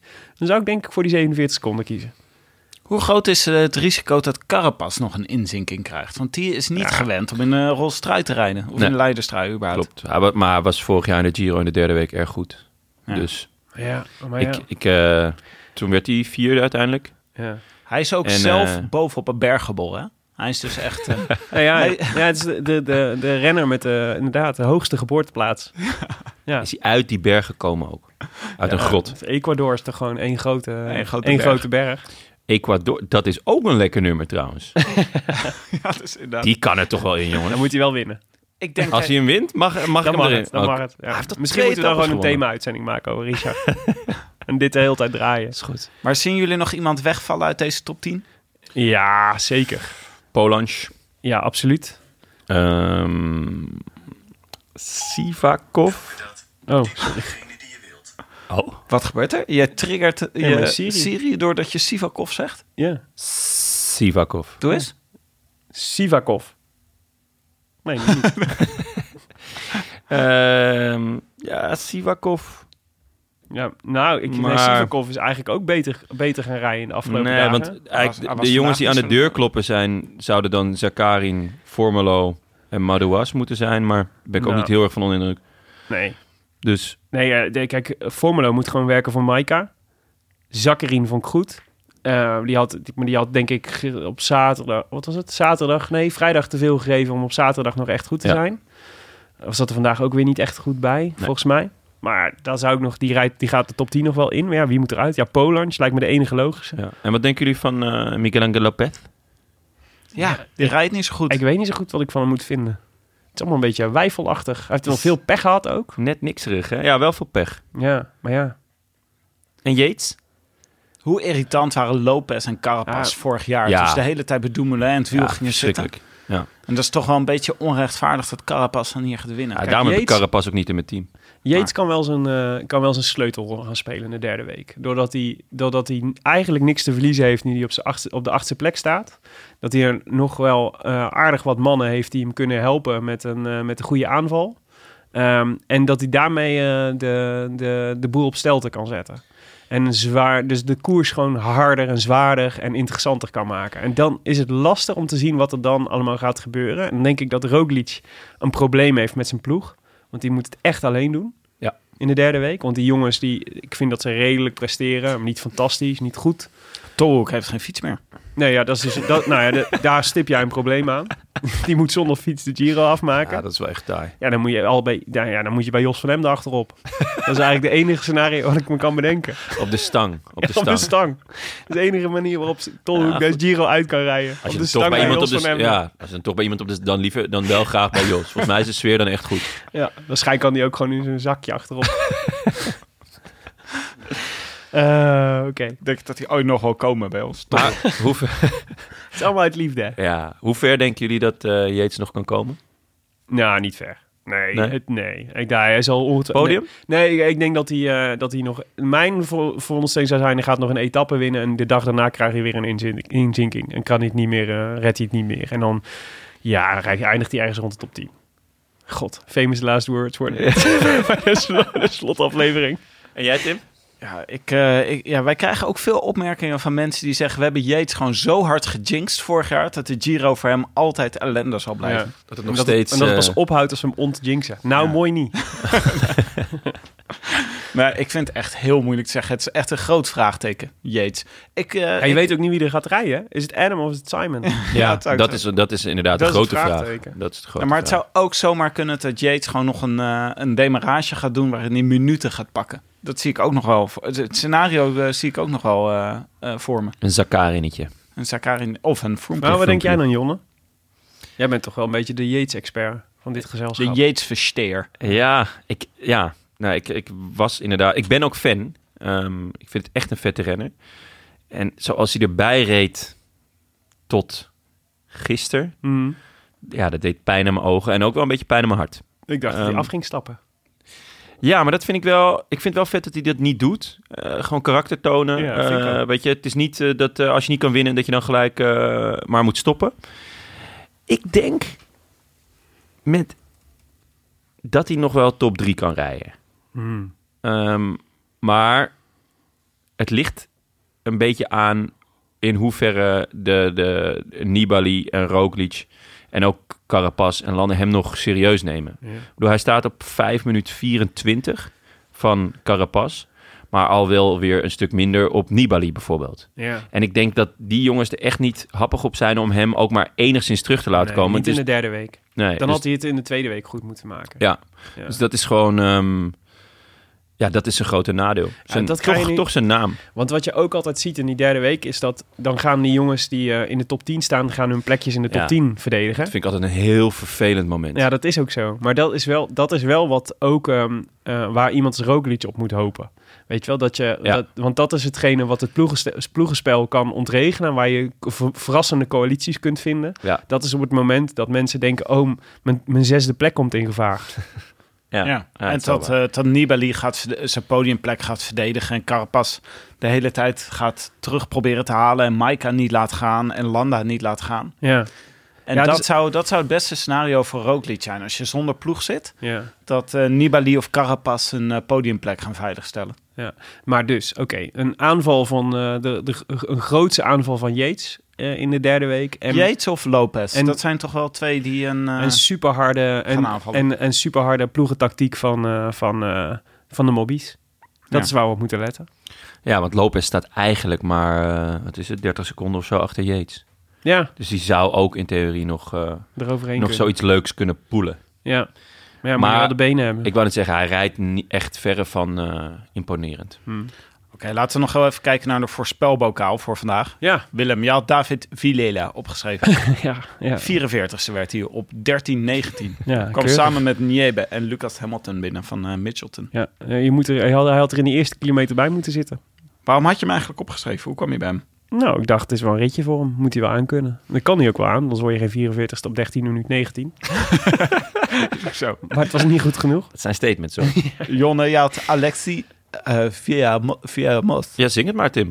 Ja, ik, durf- ik ging er bijna in. Merkte je dat? Ja, ik, je hoorde balen. stem. Ik ging Balen. bijna, maar... Het is, nee, Nee? durf niet. Niemand? Nee, nee, Oh, gaan we niet doen. Gaan we niet Oké, doen, gaan we niet Eh, 23ste op 241.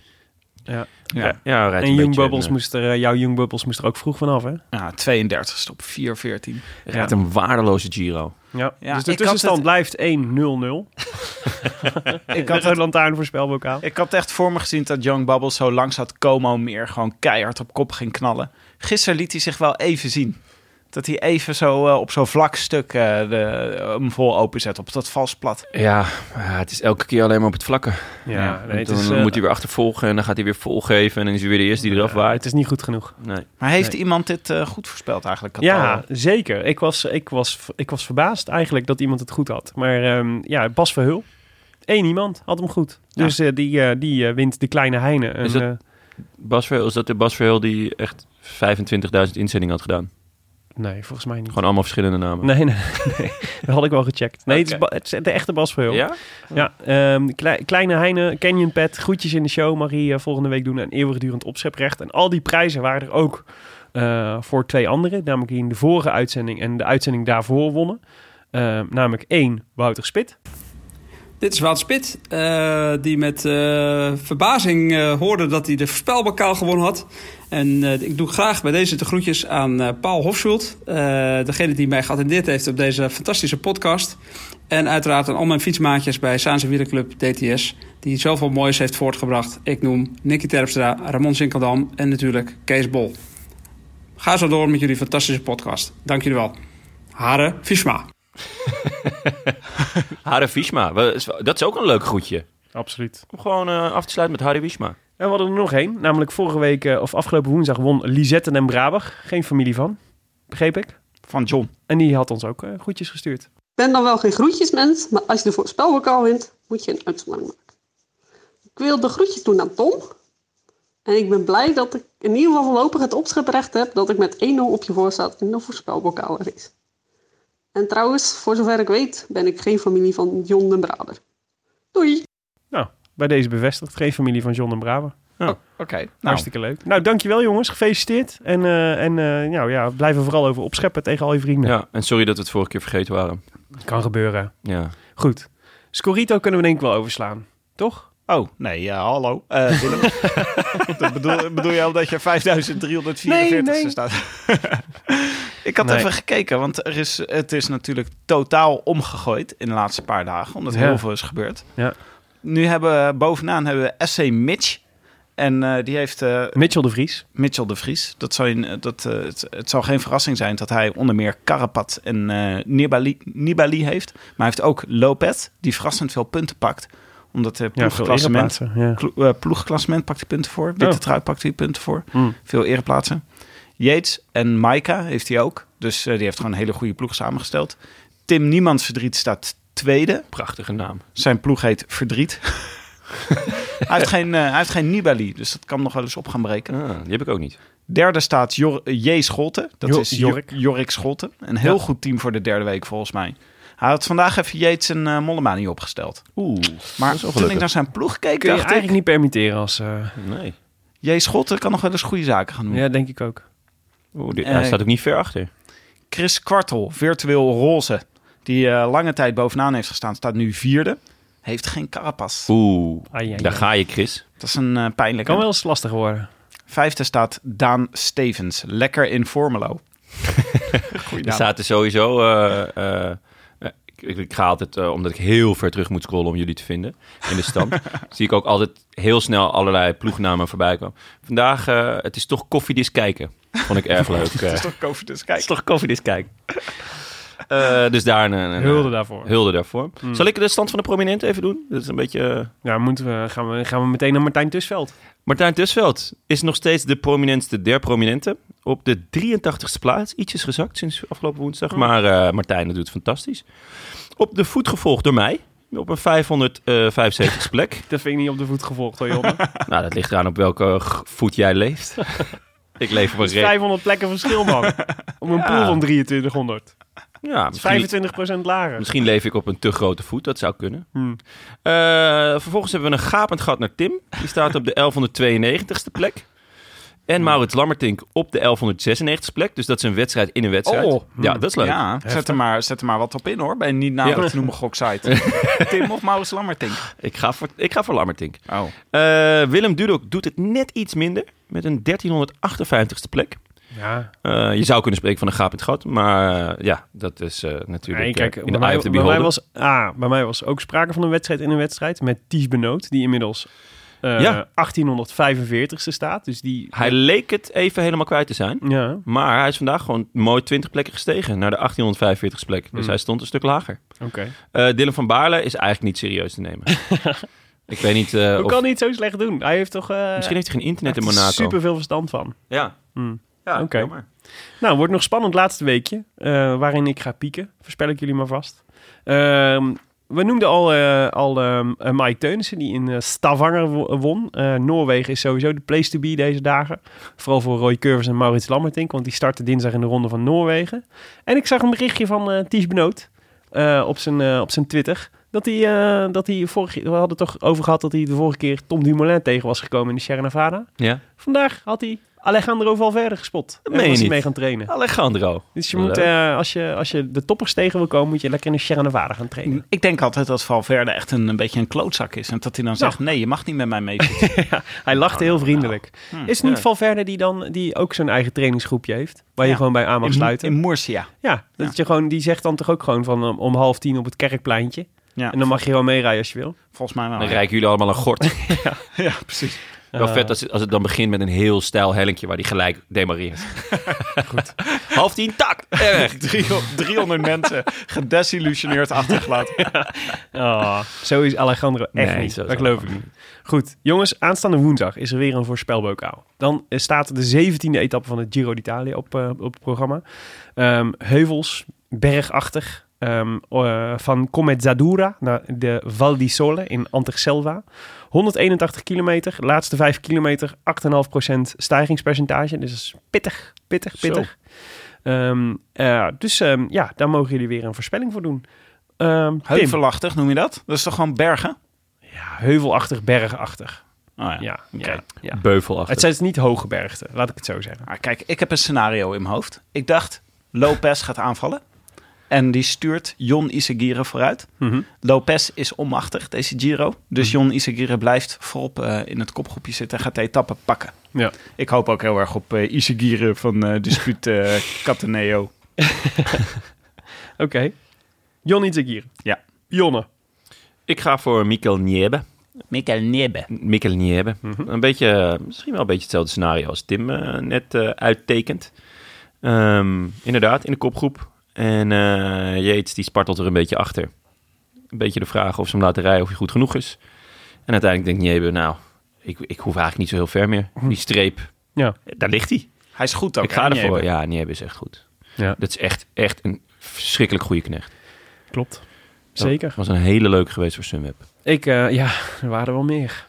Ehm, ik ehm, ga voor eh, Giulio Ciccone. Want, Wie is dat? eh, ja, een hele leuke, sympathieke jongen. Nog van, helemaal niks van gezien deze Trek Giro. Segafredo. Nee, het, het- die eh, to- toont zich een waardig knecht voor, eh voor Bouke. Hij is iedere keer keurig op de afspraak. En het is, volgens mij gaat hij in de derde week... ehm, ik vermoed dat... dat, dat Was dat sarcastisch?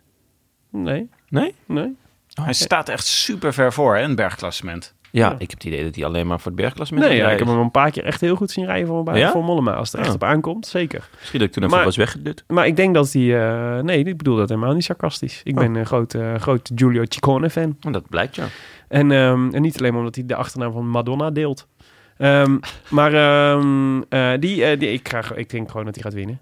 Dat is, ja, ik ga er geen theorie aan hangen. Hij gaat gewoon winnen. Hoe dan ook. Je hebt gewoon geen theorie nodig om te Giulio winnen. Ciccone. Ja, Spannend. ja, goed. Anywho, je kunt meedoen aan de Rode Lantaarn voorspelbokaal via de, Rode Lan- de een post op Facebook. Die zie je vanzelf. Die staat online op het moment dat deze aflevering live gaat. Daar kun je je voorspelling onder zetten. Of je kunt hem op Twitter via hashtag voorspelbokaal delen. Ehm, ja, en dan kun je meedoen. En dan kun je ook een kleine heine winnen. En mag je de groetjes doen in de show. En een pet van Canyon. En eeuwigdurend opscheprecht. Wie wil dat nou niet? Toch? Ja, ik heb het al dus. Goed. Tim, misschien moet jij afkondigen.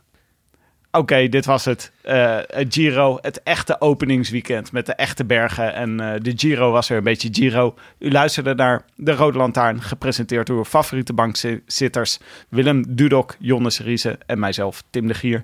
Met grote dank aan onze sponsors Scorito en Canyon. En je kan bij Canyon natuurlijk nog steeds een, een fiets bestellen. En dan gaat verzendkosten, de, geen verzendkosten krijgen.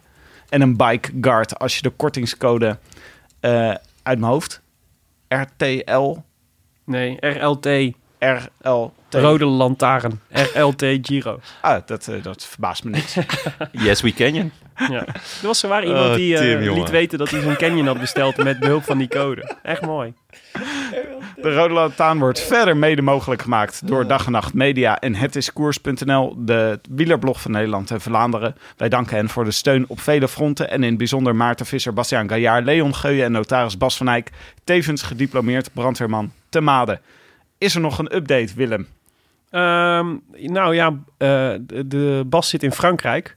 Eh, dus, ehm, maar ondertussen waren er wel, zijn er wel drie uitdrukken geweest, maar allemaal zonder erg. Dus het viel, eh, het- eigenlijk is het, is het relatief, nou, het is relatief druk, maar er gebeurt nog steeds niet zoveel. Dus er was, het was misschien wel erg, maar de brandweer was even op vakantie. Eh, nee, de brandweer bestaat uit meer mensen dan alleen Bas. Oh, oké. Ja, ja, het is niet zo dat heel Maden afbrandt op het moment dat de brandweer op vakantie is. Dat zou een beetje lullig zijn. Alleen maar loze rukjes Moeten we, het nog, eh, moeten, we nog, Maden. moeten we nog hebben over de KPJ, waar jullie het vorige keer over hadden? Ja, de katholieke plattelandsjongeren. Ja, was dat eh, de, de- die eh, soort van Hitlerjugend, maar dan... eh, eh, Nee, het is geen sinds de Hitlerjugend. oh, oké. Nee. Maar het is wel samen liedjes zingen. Die- Wat het leuke was... Samen marcheren ook? Nee, volgens mij niet. Ik kan me ze alleen herinneren dat ze, ze organiseerden altijd een zeskamp. En dat was altijd heel vet, want dan hadden ze zo'n groot luchtkussen. Waar dan Wel met dan kampen dus. Helemaal, ja. Maar dan in goede, de goede kampen. Waar, waar je dan zo allemaal groene zeep opgesmeerd was op zo'n helling. En dat je dan zo op moest rennen. En dan, ik vond dat altijd geweldig. Dus Ja. ik heb alleen maar warme herinneringen aan de groene zeep van de KPE. Zat jij daar ook bij, bij de KPJ? Dit is echt een extreem dubieuze zin. Ik heb heel warme herinneringen aan de groene zeep van de KPJ. Ja, Oké. Wil je Nee, ik zat daar niet bij, Tim. Nee, Nee. nee. Ik zat alleen bij de Madense Natuurvrienden. Echt waar? Zat je daar echt bij? Dat is nog een obscure clubje dan KPE. ik wou net zeggen, daar gebruikt ze niet eens groene zeep. joh. De Ma Madense naturistenvrienden? Nee, nou, dan moet je volgende keer maar wat over vertellen. Natuur, natuur. Kunnen we ook nog wel een aparte podcast over maken. Goed. Wil je reageren op deze uitzending? Via Twitter zijn je te bereiken via Willem Dudok, Tim de Gier en Garçon, waarvan de eerste O een 0 is. En we hebben tegenwoordig ook een mailadres, post En we vinden het leuk als jullie ons allemaal mailen, ook al zijn het er heel veel. En abonneer je op iTunes of laat daar in elk geval even een reviewtje achter, want dat zorgt ervoor dat andere mensen ons weer beter kunnen vinden. Jonne, is er nog een re- leuk reviewtje?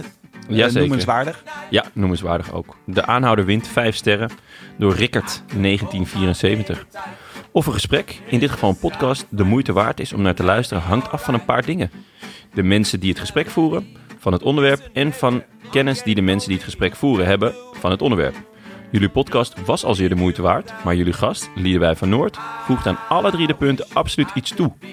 Een aanwinst als je het mij vraagt. Regelmatig uitnodigen dus. Het blijkt maar weer dat de aanhouder wint. Groet Rickert. Nou, graag. eh, ik zie Liedewij graag weer terug. Het is in ieder geval Ja. een vriendin van de show. Dus Ja, die, eh, ja, we kunnen er heel veel uitnodigen. Ze zegt toch altijd nee. Komt gewoon wanneer ze zelf wil. Ja, Frank Heijn is uiteindelijk ook overstag, overstag gegaan. We moeten wel heel veel betalen elke keer. Maar Zo, toch. ja. Is geen, dat geen is dan zo. jongen. Goed, jongens, dat was het. Week 2 van de Giro. En wat een week staat ons nog te wachten. Wij zijn er woensdag weer, hè, Tim? Met een hele bijzondere aflevering. Ja, wij gaan, eh, wij, gaan naar, eh, wij gaan naar Limburg, reizen we af. Voor de Klim Classic. Die is Mhm. donderdag. Daar ga jij meedoen, toch Willem? Oh, jij niet, begrijp ik uit Nee, deze. ik ga zeker niet meedoen. Maar de woensdagavond gaan wij, eh, dan is er een, een, fantastische Giro-etappe. En dan nemen wij de aflevering op in, in Limburg. Ja. Met speciale gast, de allereerste vriend van de show, zelf benoemd. Ja, Eh, onze eerste liefde. Ja, Timo, Timo Rozen. Nou, wat leuk jongens. In de eerste, leuk. In de eerste e- de, de- onze eerste tour in 2016 was ook de debuuttour van Timo Rozen. En eh, toen, eh, ik, wat ik me voornamelijk nog kan herinneren, was dat hij in een soortgelijke chas patat kwam te zitten als waarin Simon Yates vandaag zich bevond. Dus eh, ja, en- ja, ja, Timo. Die Ja, maar- gaan we eindelijk, eindelijk gaan we hem spreken.